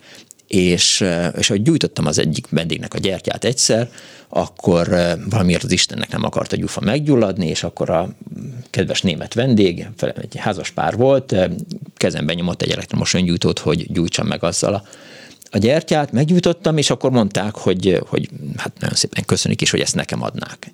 És hát képzeljék el, 1980-ban, amikor még az öngyújtó, még a szerepelhető öngyújtók is éppen csak, csak kezdtek bekerülni az országba, akkor volt egy elektromos öngyújtóm, na, azzal nagyon sokáig sikerült menőznöm, de aztán a munkahelyi büfében ott felejtettem, és aztán valaki ellopta, és hát rövid története volt az elektromos öngyújtónak, de minden esetre volt egy ilyen boldog szakasza az életemnek. 24 06 95 3, te 24 07 95 3. Megpróbálok egy hosszú SMS majd összerakni, mert, mert nagyon érdekes, csak, csak össze van folyva, miközben beszélgetek egy hallgatóval. Haló? Kirchner Péter vagyok, szervusz. Szevasz Péter. Tulajdonképpen már itt beelőzött valaki, mert a kérdés úgy is fölmerül, hogy merre volt nyugat. Igen. Ugye, mert említette a hölgy a szalamander cipőt, nekem anyukám hozott egy szalamander cipőt az NDK-ból, nem mondom meg, hogy hány éve, de hát biztos, hogy több mint 50, és ez a cipő még megvan, és jó, és hordható. Na, na, ez igen. Ez, ez ugyan, de egyébként az NDK-ra, és nem is ezért telefonáltam, ugye az én nekem ilyen vágyám volt, ez az úgynevezett Schmidt sapka, ha emlékszel még rá. Dehogy emlékszem, most hallom először ezt a nevet. Hát pedig ez a Schmidt pénzügyminiszter később kancellározta divat, de tulajdonképpen a hamburgi tengerészek sapkája volt. Aha. Esküszöm, esküszöm nem tudom, miről beszélsz. Kék sapka, Aha. ez nagy divat volt, és én nagyon vágytam ilyenre, és a 80-as évek közepén kint jártam Gera megyében, ez NDK-ban van, nem is tudtam róla, hogy korábban ilyen valami hivatalos ügyben, és este sétáltam a városba, és megláttam egy kirakatba egy ilyen sapkát, uh-huh. hát ez nekem kell. Ez egy sapka készítő volt. Bementem, és mondtam, hogy kellene egy ilyen sapka. Mondtam a miret, hát nincs ilyen miért. Nagyon sajnáltam, tényleg, hogy úgy jövök haza, hogy nem tudok egy ilyen sapkát venni, mert másnap reggel én már indultam vissza Berlinbe, azt haza, de hát mikor indul? Mondom, hát kilenckor. Mondja, jöjjön, de fél kilencre megcsinálom a sapkát. Hmm és oda mentem fél kilencre, még akkor hivatalosan nem is volt nyitva, és ez a bácsi megcsinálta nekem az NDK-ban a 80-as években ezt a sapkát. Azóta is megvan, igaz, hogy már a fejem kinőtte, de, uh-huh. de megvan. De érdekes. A, de majd más is fog erre a Schmidt sapkára emlékezni biztosan. Ami meg Tűvény. a lemez volt ott említette egy, hogy én valamikor a 70-es évek vége felé elveződtem Nyugat-Berlinbe, egy lemezáruházba. Egyszerűen elájultam, szóval, hogy ennyi lemez létezik. Igen, az teljesen értetetlen. És, és ott elkezdtem válogatni, de hát az ember nem is tudott, hogy hogy válogasson, miközben a gondolat túlsó oldalán véletlenül feltűnt a Fenyő Miklós, aki szintén oda elvetődött, és ő is lemezeket válogatott. Még megvan abból az időből az első Ajajaj, elvesztettük Kirchner Pétert, és hál' Istennek Dánielt megtaláltuk. Sztoriban volt Kirchner, úgyhogy majd próbáljuk meg visszahívni. Addig megpróbálom azokat az SMS-eket összerakni, amiket a kedves hallgatók írtak, és, és az előbb már mondtam, hogy hogy, hogy megpróbálom majd megoldani, meg, meg összerakni, csak közben a Péter ezzel a kalap dologgal, vagy sapka dologgal kicsit összezavart, mert hogy én valóban nem hallottam erről a sapkáról, most hallottam róla először életemben, de hát azért elég sok dologgal vagyok így. Itt van Péter? Itt vagy Péter? Hello! Itt vagyok. Na, mi történt? Nem tudom, mi történt. Szóval a lényeg az, hogy, hogy egy Rolling Stones az első lemezem volt, aztán ugye, ami azóta is láttam senkinek, Elvisnek volt egy kék lemeze, ha valaki emlékszik rá, hogy átlátszó kék műanyag lemez volt. Ezt is ott válogattam Aha. ki. É, tehát, é, és ugye, mond, hogy nem akarom mástól elvenni szó, de azért két apróságot elmondanék még. Jó. Az egyik ez a csehszlovák dolog. Igen. Ugye onnan tornacipőt nem lehetett behozni, és a gyerekeimnek kellett vennünk futócipőt, megvettük, már nem is tudom hol, Csehszlovákiában, és össze kellett piszkítani a cipőt, ja. hogy azt higgyék, hogy használt cipő, hogy a vámosok ne vegyék el. Hát sírtak a gyerekek, hogy a vadi új cipőt össze kellett piszkítanunk, úgyhogy de ami a igazi fét is, és ezen nyilván hallgatók ki fognak nevetni, én mindig ügyetlen voltam a körömvágó és vágytam, hogy egy körömcsiptetőt tudjak valahol szerezni, valakinél láttam, de ez így nem volt. Először Bécsbe kikerültem, semmi nem érdekelt, én nézegettem a múltamokat, de egy körömcsiptetőt hol tudnék venni.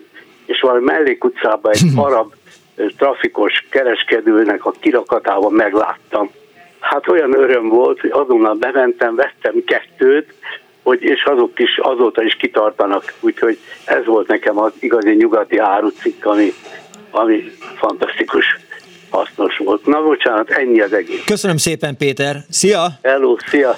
24 06 95 3, 24 07 95 3, jöhetnek hasonló történetek. Azt írja a hallgató, sziasztok! A csoki papírról és a kólás dobozról az üres tiktakos doboz szagolgatása jutott az eszembe, meg, és aztán itt frissül, meg a városképes tüher sörös doboz szintén üresen. A legjobban áhított csoda 82 karácsonyán megérkezett a falá, mégpedig egy Adidas tangólabda formájában. Nem hittem el, hogy ott van a spanyol mundiál hivatalos labdája az ágyam mellett. Tavasszal egy hét alatt rúgtuk szét a barátokkal az utcán. Üdv, öcsi, írta egy hallgató.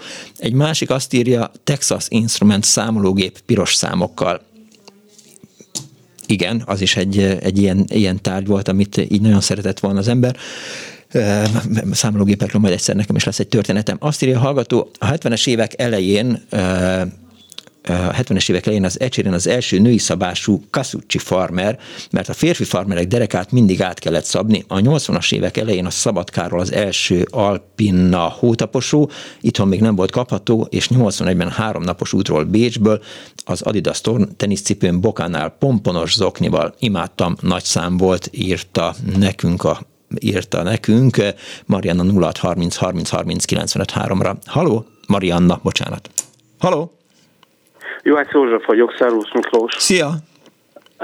Nekem az első úgymond nyugati vágyott dolgom az egy kelet-német Simpson volt, amire nagyon vágytam kölyök koromban, és ugye akkor ez hiányzik volt, nem lehetett kapni, és ha lehetett is csak kenőpénz és ismerősök által, nekem is így sikerült, pontosabban édesapámnak, illetve sokat kellett neki azért maszek munkát végeznie, és tehát emlékszem, a, a, tehát amikor ez a témát bedobtad, ez jutott nekem rögtön eszembe, mert ezt úgy, úgy sokszor gondolok rá, hogy ezt még Győrben hozták, mhm. Győrből hozták egy barkasszal, úgyhogy ugye uszájjal érkezett a Donán NDK-ból. Az igen. És rögtön a barkazba tették, és apámnak az ismerős által, hogy be sem került a boltba, de ugye a számlán az, az szerepelt, be volt kalodába rakva, uh-huh. ahogy a gyárból kikerült, sógorom rakta össze, és tehát ilyen meglepetés volt, hogy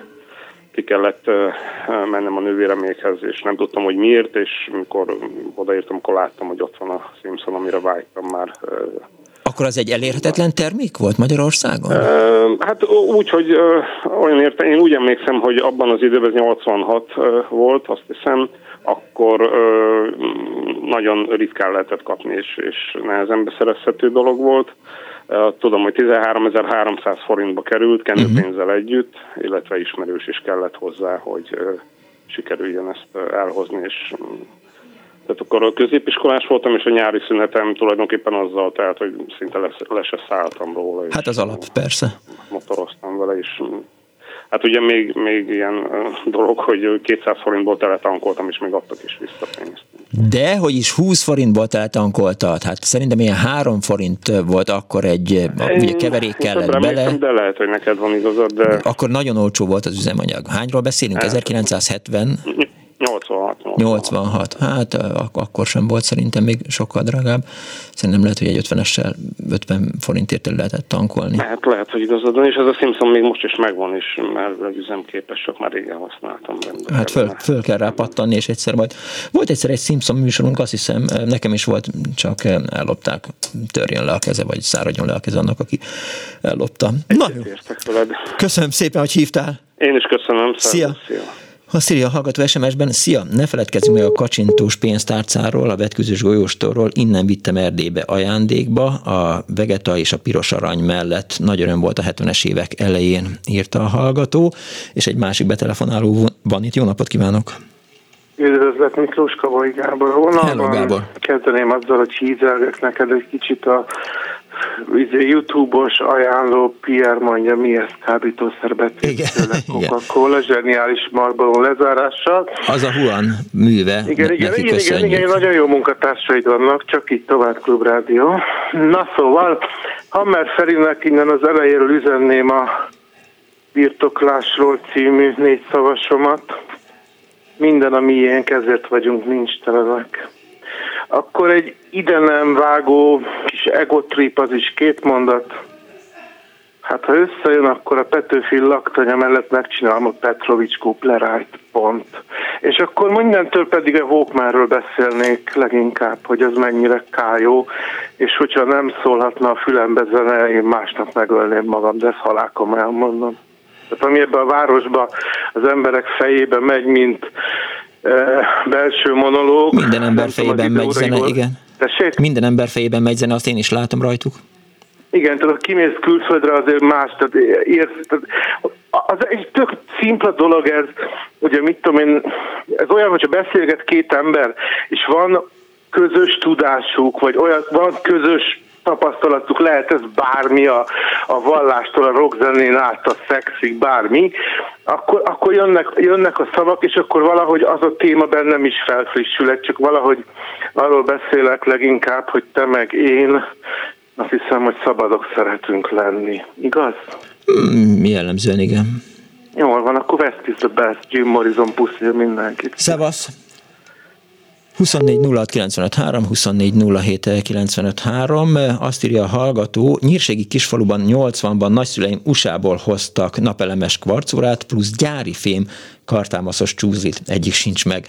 Egy másik azt írja, hogy hogy, hogy, hogy, hogy, hogy, ezt nem, igen, ott elkezdődik egy SMS, de nincs meg, a, nincs meg a, a, az eleje.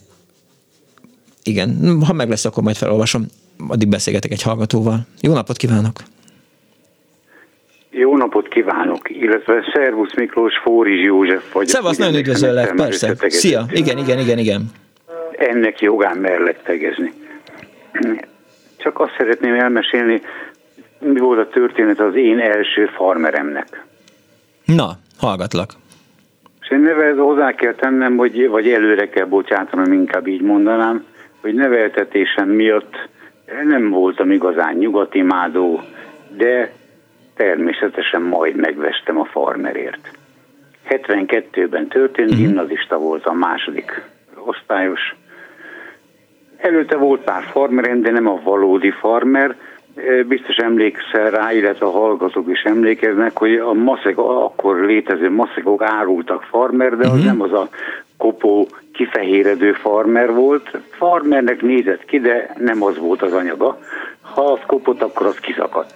Uh-huh. Na most én 72-ben nyári munka, teipari vállalatnál dolgoztam, kerestem nem kevés pénzt, elmentem a tangóra, nem tudom, hogy emlékszel, mi volt a tangó. Persze. A használt piac. Igen, az ecseri. Igen, igen, hogyne, persze. Igen. Megvettem életem első farmerét 600 forintért, az igen. ami akkor azért hatalmas pénz volt. Ez egy Super Rifle farmer volt, Rifle. akkor évatos tűzött zsebbel, uh-huh. enyhén trapéz, és imádtam. És hazamentem, és édesapám otthon lecseszett, ordítottam, hogy képzeled, hogy ilyen egy munkás nadrágért ennyi pénzt kiadni, holnap visszamész és visszaadod. Hát nem úgy van, hogy visszamész, majd visszaveszi a tangóna. És bőgve feküdtem le, oh. reggel bejött édesapám, anyukám meggyőzte, hogy na jó van, megtarthatod.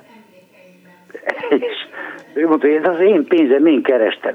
Amíg itt a lényeg az, hogy ez volt életem első farmer, azóta persze több is volt, bár természetesen, mint ahogy mindenkinek, de az emlékemben ez az első farmer úgy él, mint a farmer. Hogyan változott Szuper... meg az életed utána? Tessék? Hogyan változtatta meg az életedet? Nem változtatta meg az életemet, mert mint ahogy mondtam, neveltetésem folytán én nem igazán voltam nyugati mádó, nem változtatta meg, nagyon szerettem a farmert, ma is nagyon szeretem. Apukámnak a hozzáállását merevnek tartottam, így gondolom ma is. Az életemet nem változtatta meg, az biztos, hogy azon a nyáron abban a farmérben és egy piros kék kockás inkben grasszáltam egyfolytában, és állatira büszke voltam Na ez a farmere, az... és nagyon szerettem. Igen, tehát megváltoztatta, nagyon... tehát én is erre gondolok, hogy, hogy vannak olyan termékek, amiknek a viselésétől, vagy tulajdonlásától az ember egy kicsit, hogy is mondjam, elkezd fél méterrel a, a föld felett járni. És az teljesen hát normális. Ilyen igen, én is állati büszke voltam rá, de sosem voltam fogyasztós típusú, a fogyasztói társadalomnak ellenzője vagyok, úgyhogy nem uh-huh. esem hasra a, a fogyasztói társadalom termékei elő, de természetesen másodikos gimnazistaként 1974-ben, 72-ben, bocsánat, 72-ben. Nem kérdés, persze. Ez valami fantasztikus dolog volt, hogy az életem első igazi, illetve annak idején úgynevezett valódi farmer, amelyik kopik, amelyik fehéredik, és hát az szokásos mindenki tudja, ez volt életem első farmerjének a története. Egy megjegyzést tennék Igen? hozzá, itt az egyik ö, hallgatótárs mondta ezt a Schmidt sapkát. Igen. Most az én gimnazista emlékeimben úgy él, hogy ez, hogy mi ezt Lenin sapkának hívtuk. Uh-huh. Ez ugyanaz a kerek alapú, a merev karimájú, ellenzős sapka, mi Lenin sapkának hívtuk, óriási divat volt, érdekes volt hallanom, hogy ő Schmidt sapkának hívja, igen, emlékszem, Schmidt az egykori nyugatnémet kancellár hordott ilyen sapkát, Gerhard de óriási divat volt, és ez is nagy élmény volt nekem. Uh-huh. Én az első Lenin sapkámat megkaptam, megszereztem, az bőrből volt, nem vászonból, ahogy a hallgatótárs mondta. Én Lenin sapkaként uh-huh. emlékszem erre a sapkára, nem Schmidt sapkaként, ennyit szerettem volna. Köszönöm szépen. Tenni. Köszi, szia! Köszi, szia! Suhajd Aladár Zoltán az Annó Budapest Facebook oldalán beírta, hogy a Marlboro Goldot azt 1983-ban dobták piacra, a Gold Lights-ot is 1983-ban és a Gold Advanced 2009-ben. A nyugati holmik eh, kincseknek minősítése talán a szabad utazással, a Gorenje korszakkal lett vége írta Pockodi Lajos ugyanott az Annó Budapest Facebook oldalán, eh, és azt írja, hogy néhány magyar cég tulajdonosa gazdagodott meg abból, hogy kokomlistás termékeket vettek meg utazásra utazóktól, és azokat összeszerelve adták tovább jó pénzért a Szovjetunióba. Itt bevételnek, ott a terméknek örültek, írja, és eh, Szilágyi Ágnes írta még a Facebookon, hogy eh, elfelejtettem, hogy kaptam sok-sok pici színes rágógumit is Amerikából, ami akkor még itthon ismeretlen volt, szép lassan osztogattam el barátnőimnek és barátaimnak, visszatérek még majd a Facebookra. Halló, napot kívánok! Igen, itt vagyok, jó Kész napot csók. kívánok, Kati vagyok. Kész csók, Kati. Hát én egy olyan történetet szeretek elmesélni, amikor a fiam olyan tíz év körüli volt, és minden vágya már egy Spektrum számítógép volt, és mi elindultunk egy Trabanttal Párizsba a férjem nagybátyához, mikor is a Trabant ugye Münchenben lerobbant, onnan vonattal mentünk tovább, így aztán Párizsba vettük meg ezt a Spektrumot, mm. hazafelé intén vonattal kellett jönnünk, nagybátyám mindenféle holmival elhalmozott minket, ő leszerelte a francia telefonját a farról, a régi francia filmekben is lehet látni, amin ilyen különböző hallgató van a padló mellett, úgyhogy egy vagon tele lett az összes féle szajréval, és hoztuk ezt az ZX Spectrum számítógépet is. És hegyes halomtól kezdve a vámosok csak velünk foglalkoztak a keleti pályaudvarnál oh. is, minden darabokra szedtek, és a számítógép mellett találtak egy kis dobozt, és kérdezték, hogy ez micsoda. Hát mondtuk, mi így kaptuk Párizsba, ez egy originál, nem foglalkoztunk, de hát lefoglalják, mondta a vámosok, ez valami spéci dolog. Elbecsültetik, szakértőt hoznak, úgyhogy eddig meg se kaptuk. Uh-huh. Hát közölték, hogy ha fizetünk abban az időben, én nem tudom, 6000 forint vámot kellett fizetnünk, vagy pedig lemondunk róla, hát gondoltuk, hogy ez valami spéci nyugati dolog, és kifizettük a vámot, és elkezdtünk vele házalni, hm? és senki, de senki nem tudta, hogy mi a fene ez a dolog. Aha. Kérem bevitte a műszaki bizományiba, ahol összeszaladt mindenki, kiküldték a vevőket, hívtak egy specialistát, aki megkérdezte, hogy megengedi el, hogy szétszedje a lezárt csavaroknál, és mondta, hogy hát ez nem az az interfész, amire ő gondolt, úgyhogy nem tudja, hogy ez mire való. Utána még próbáltuk egy pár műszaki embernél, meg ilyen műszaki bizóván megnézni, hogy mi ez. Senki se tudta, úgyhogy ezt leírtuk veszteségnek. A fiam nagyon boldog volt ezzel a spektrummal. És a, Anna az időben még orosz színes tévé volt a monitor, úgyhogy ott próbálkoztunk beüzemelni.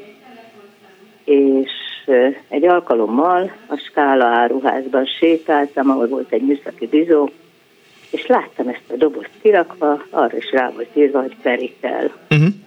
Mondom, önök ezt forgalmazzák? Hát ők nem, de hát a vezető az valami ismerőse beadta, és tudják, hogy mi ez? Fogalmuk sincs.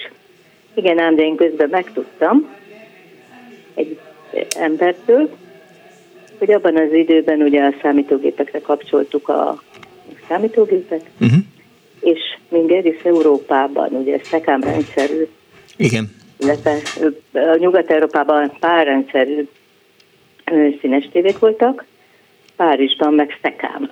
És uh-huh. ezek csináltak egy ilyen fordítót, és kizárólag Franciaországban volt tartozék a számítógépeknek. Ez az úgynevezett peritól, tehát így jártunk ezzel.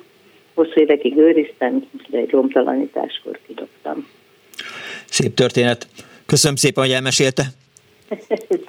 Kész sokan. már egy Commodore 64 el gazdagodtunk, az már egy komolyabb gép volt. Igen. Köszönöm szépen. Szívesen. Viszont hallásra. Helmut Schmidt volt, hülyeséget mondtam, az előbb Gerhardt, nem is tudom, hogy miért mondtam. Hallgathattam volna. Azt írja a hallgató, 70-es évek osztálytársának hozott az anyukája nyugatról gyönyörű füzeteket, vonalasat, kockásat, a borító színes, Disney figurákkal tele. Nagyon ígyek voltunk, itthon csak kék vagy szürke fedeles füzetek voltak, és azt írja Feribá, hogy 1970-ben bátyám meghozta a félnyugatról, azaz Jugóból a Rolling Stones kislemezét, az A oldalon a Painted black azóta is sötéten látom a jövőt, írja Feribá. Halló, jó napot kívánok! Szia, Imre vagyok. Hello, Imre! Én a 70-es évek közepén minden hónapban vettem két lemezt, amit Jugoszláviából hoztak, vagy csempésztek, azt nem tudom pontosan. Ilyeneket, hogy Deep Purple, Black Sabbath, Uriah Heep, stb. Uh-huh. A fizetésem akkor 2800 volt, ennek két lemeznek meg az ára 700 forint volt. És ezt hol vásároltad? A múzeum körúton, vagy? Hát, hát már látod, arra nem is emlékszem pontosan, mert úgy megbeszéltük az az illetővel, hogy hol találkozunk, Aha. és akkor ő hozta a két lemezt, én meg kifizettem neki a 700 forintot. Rendelted a lemezeket? Igen, mindig akkor felírta, hogy hogy kell egy Deep Purple in rock. hónapban, egy hónap múlva uh-huh. nekem ilyet hozzon, mindig felírta. Értem. És uh, sosem volt vele probléma? Nem, nem, nem. Ezen kívül még Farmer nadrágom is volt, Lévis természetesen. Az honnan? És hát, azt az ecserén vettem, ha jól emlékszem. A piros címkés azt mondták, hogy az a, azzal nagyon büszke legyek, mert az Amerikából hozták, vagy ott gyártották, nem uh-huh. tudom. Volt narancssárga címkés is, meg ez a piros címkés. Ezzel felítettem nagyon a piros címkéssel, hogy nekem olyan van annyira jó, mert, mert a piros címkés az nyilván gombos, de nem menjünk Igen. bele most a, a lévízbe. Azon gondolkodom, hogy Marceliban miért gyártottak, az mennyiben különbözött az amerikai lévíztől. Nem ismerem. Ez ügyben nyilván Hammer Ferenc farmerügyi szakértőhöz kellett volna fordulnom, mert akkor, amikor ugye beszélt itt a műsor arról, hogy, hogy írt egy nagy tanulmányt a, a farmer viselet Magyarországon, és ugye, hogy, hogy élet kellett vasalni a farmerbe, azt hiszem valami ilyesmi volt a, a cím ennek a tanulmánynak, és akkor beszélgettünk, mert, mert volt az annó, még az addig Jumi Kádár volt egyszer egy farmeres műsor, ami, ami szintén így, így bekerült a, a történetek közé, amit a Hammer összegyűjtött, de valóban így volt a, a Lévisszel meg a pirossal.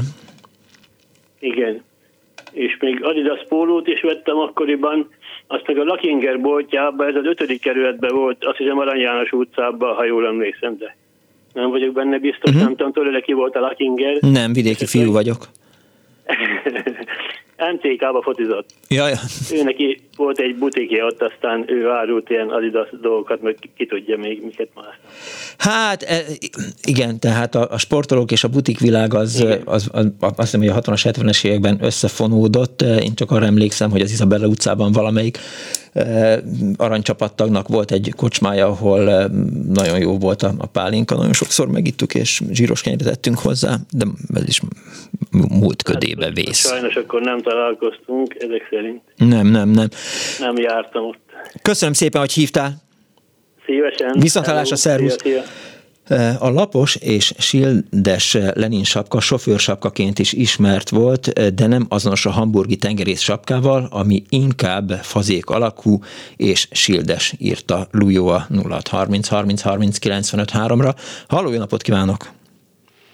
Halló, halló, Szabó György a vonalban. Hello, György, szia! Fúri Zsóskának voltam én társa az egyetemen, úgyhogy innen is üdvözlöm, ha még hallgatja a rádiót. Biztos, hogy hallgatja. Zsiráfként ismer a vég. Az a világ, amelyikben én cseperedtem fel és mint diplomata szülők gyermeke arra emlékszem, hogy az általános iskola ilyen harmadik, negyedik osztálya 60-as évek elejéről uh-huh. beszélünk, 63-64, mellesleg az Bajza utcai általános iskolában az osztályfőnökünk, az a Pásztori Zoli illévzenekar dobosának az édesanyja volt. Úgyhogy a osztály elég jól informált volt arról, hogy mi érhető el nyugatról és mi nem. Uh-huh. De furcsa módon én, amikor édesapám londoni kiküldetéséből azon mániája okán, hogy mindig, minden évben másfél-két hónapot köteleztek arra a szüleim, hogy csatlakozzak az osztályhoz és tegyek különbözeti vizsgát már általános iskolába, magyar nyelv és irodalomból, magyar történelemből, orosz nyelvből, tehát csupa olyasmiből, amit nem tanítottak az angol iskolába. Ennek én mint sejteti nagy örömmel eleget tettem, bár mai eszemmel belátom, hogy a hasznomra vált. Viszont az osztálytársaim, hogy a tányra is rátérjek, leginkább rágógumira, kedveris csokoládéra vágytak, és az igazán nagy szám az volt, amikor a Matchboxhoz hasonló, de Korgitois és Dinkitois névre hallgató kis autómásolatokkal mhm. jelentem meg a fiúknál. Úgyhogy ezekből a ö, édesapám kiküldetésének lejárta előtt majdnem minden osztálytársamnak jutott egy-egy darab, meg gondos beosztással hozogattam haza őket. Ami viszont még egy érdekesség volt, egy időben divat volt a cigarettás dobozok gyűjtése Igen. a fiatal korosztályban, úgyhogy azt is feladatul kaptam, hogy szerezzek be akár nem tele, hanem Persze, csak üres, üres dobozokkal, igen. ilyen amerikai Lucky Strike, State Express, Peter Stuyvesant, tehát ezek a nem Marlboro és Kamel, amit tehát ugye mindenki ismert, hanem ezeket a kevésbé ismert márkák dobozait. És egyik osztálytársam volt olyan őrült, hogy ő az egész szobáját gombos tűvel felszurkált cigarettás dobozokkal díszítette, és mondta, hogy ezt addig csinálja, amíg egy négyzetcentinyi hely van.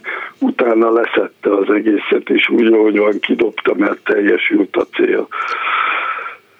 Ez nálunk, nálam is volt egyébként, én is gyűjtöttem a, a cigarett, üres cigarettás dobozokat, tehát amikor még nem dohányoztam, és eszembe se jutott, hogy, hogy ezeket így elszívjam, de emlékszem rá, hogy valóban gombos tűvel raktam föl a, a falra a Pálva utcában, az ingatlanban, a szobámban, tehát a félszobámban. Akkor ez úgy látszik divat volt annak idején. Most amit még említeni akartam, hogy a farmereken kívül egy idő után bejött a farmer Jackie is és ugye a kvázi farmer öltöny jelleggel működött, hogy alul fölül, Igen. sőt egyeseknek volt farmer mellénye. Igen, meg farmer inge. Nincs annál bénább. Farmer inge, bizony, bizony. És ami viszont az igazán vágyott tárgy volt, ez már később, amikor középiskolás voltam, jelent meg a Easy Rider bőrgyeki. Hmm. Hát az, ha jól gondolom, akkor az a e, e, SOT nevű Perfetto márka volt, e, ők gyártották azt a bőrcsekit, ami, ami ami aztán a Ramonson, meg James Deanen, meg mindenkin felbukkant. Így van. Én viszont... Ez csak azért tudom, mert nekem is van egy. Amerikából szereztem be, és meg nem tudom mondani a márkáját. Mondom, hogy sok. napig itt lóg a szekrényembe. Már ö, azt hiszem több a ránc rajta, mint a valódi bőrfelület de nem válok meg tőle, mert ez egy nagyon jó pofa emlék. Bőrjackitől sohasem. SCHOTT van a, a Jackiben, meg az, hogy Perfetto. Majdnem biztos vagyok benne, hogy ez az, az a márka. Bőr, Bőrjacki sznob vagyok, úgyhogy... Már, márkákban kevésbé voltam járatos, csak maga a fazon, a szabás, ez az ujjánál cipzárral összehúzható, hogy minél kevesebb szél menjen föl Úgyhogy ezek ilyen érdekességek voltak.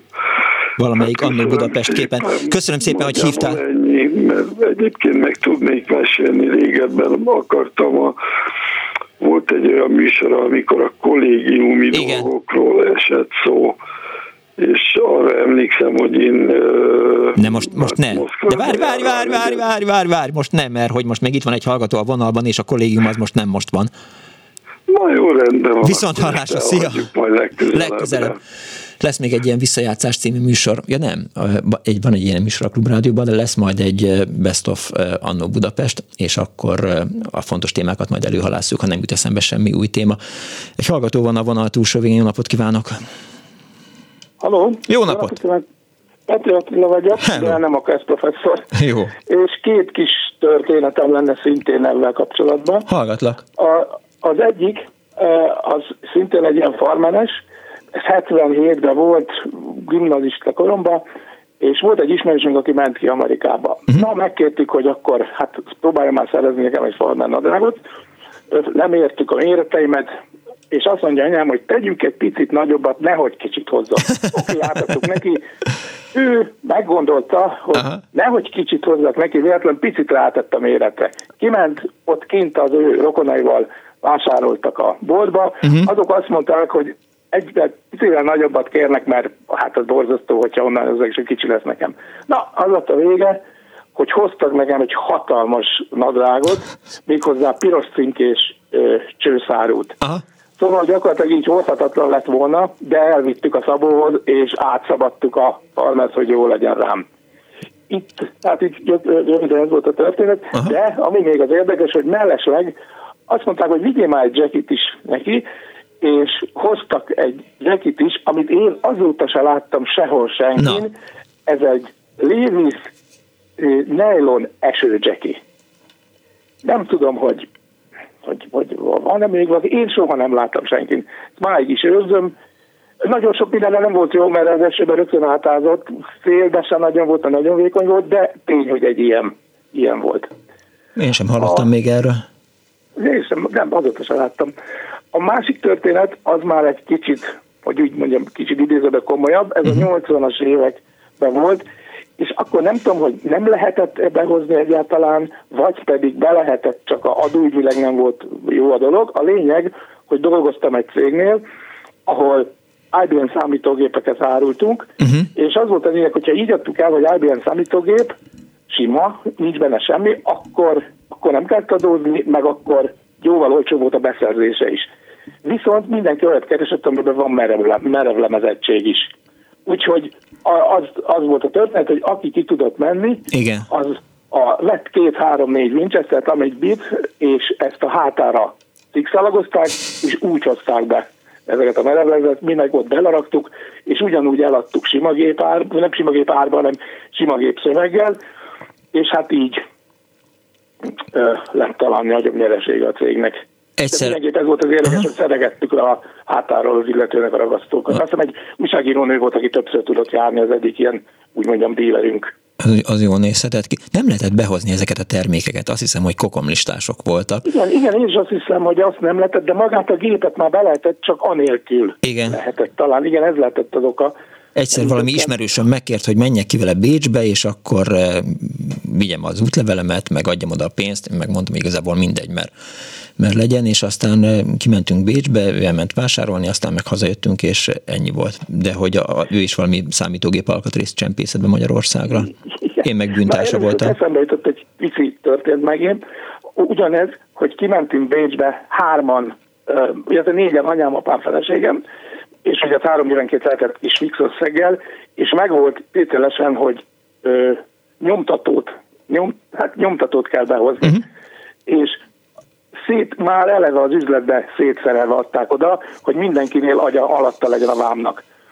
És amikor jöttünk vissza a vámon, a vonaton mondta a vámos, hogy van-e valami, hát mondom, hogy vannak ilyen számítógép dolgok.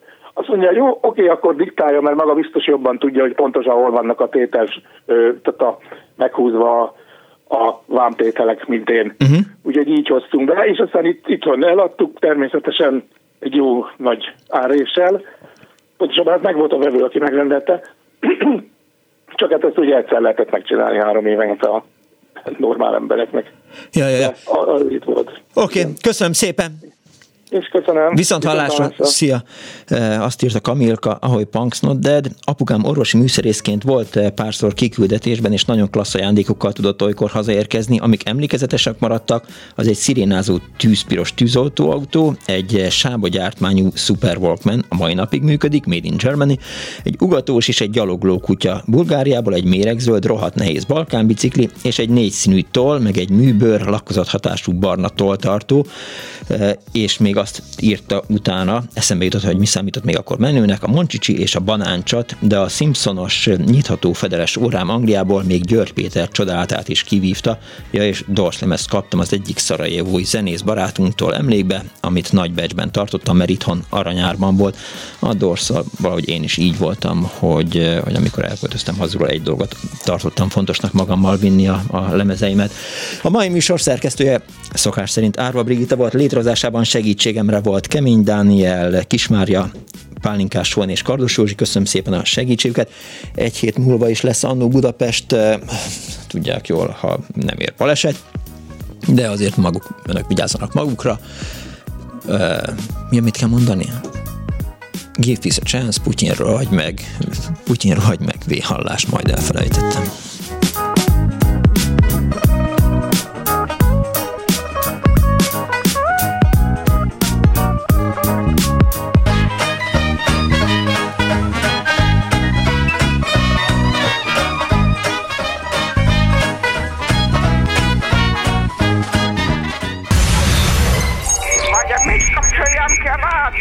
Bocsánat. Igen, igen, igen. Elnézést. Jó napot kívánok.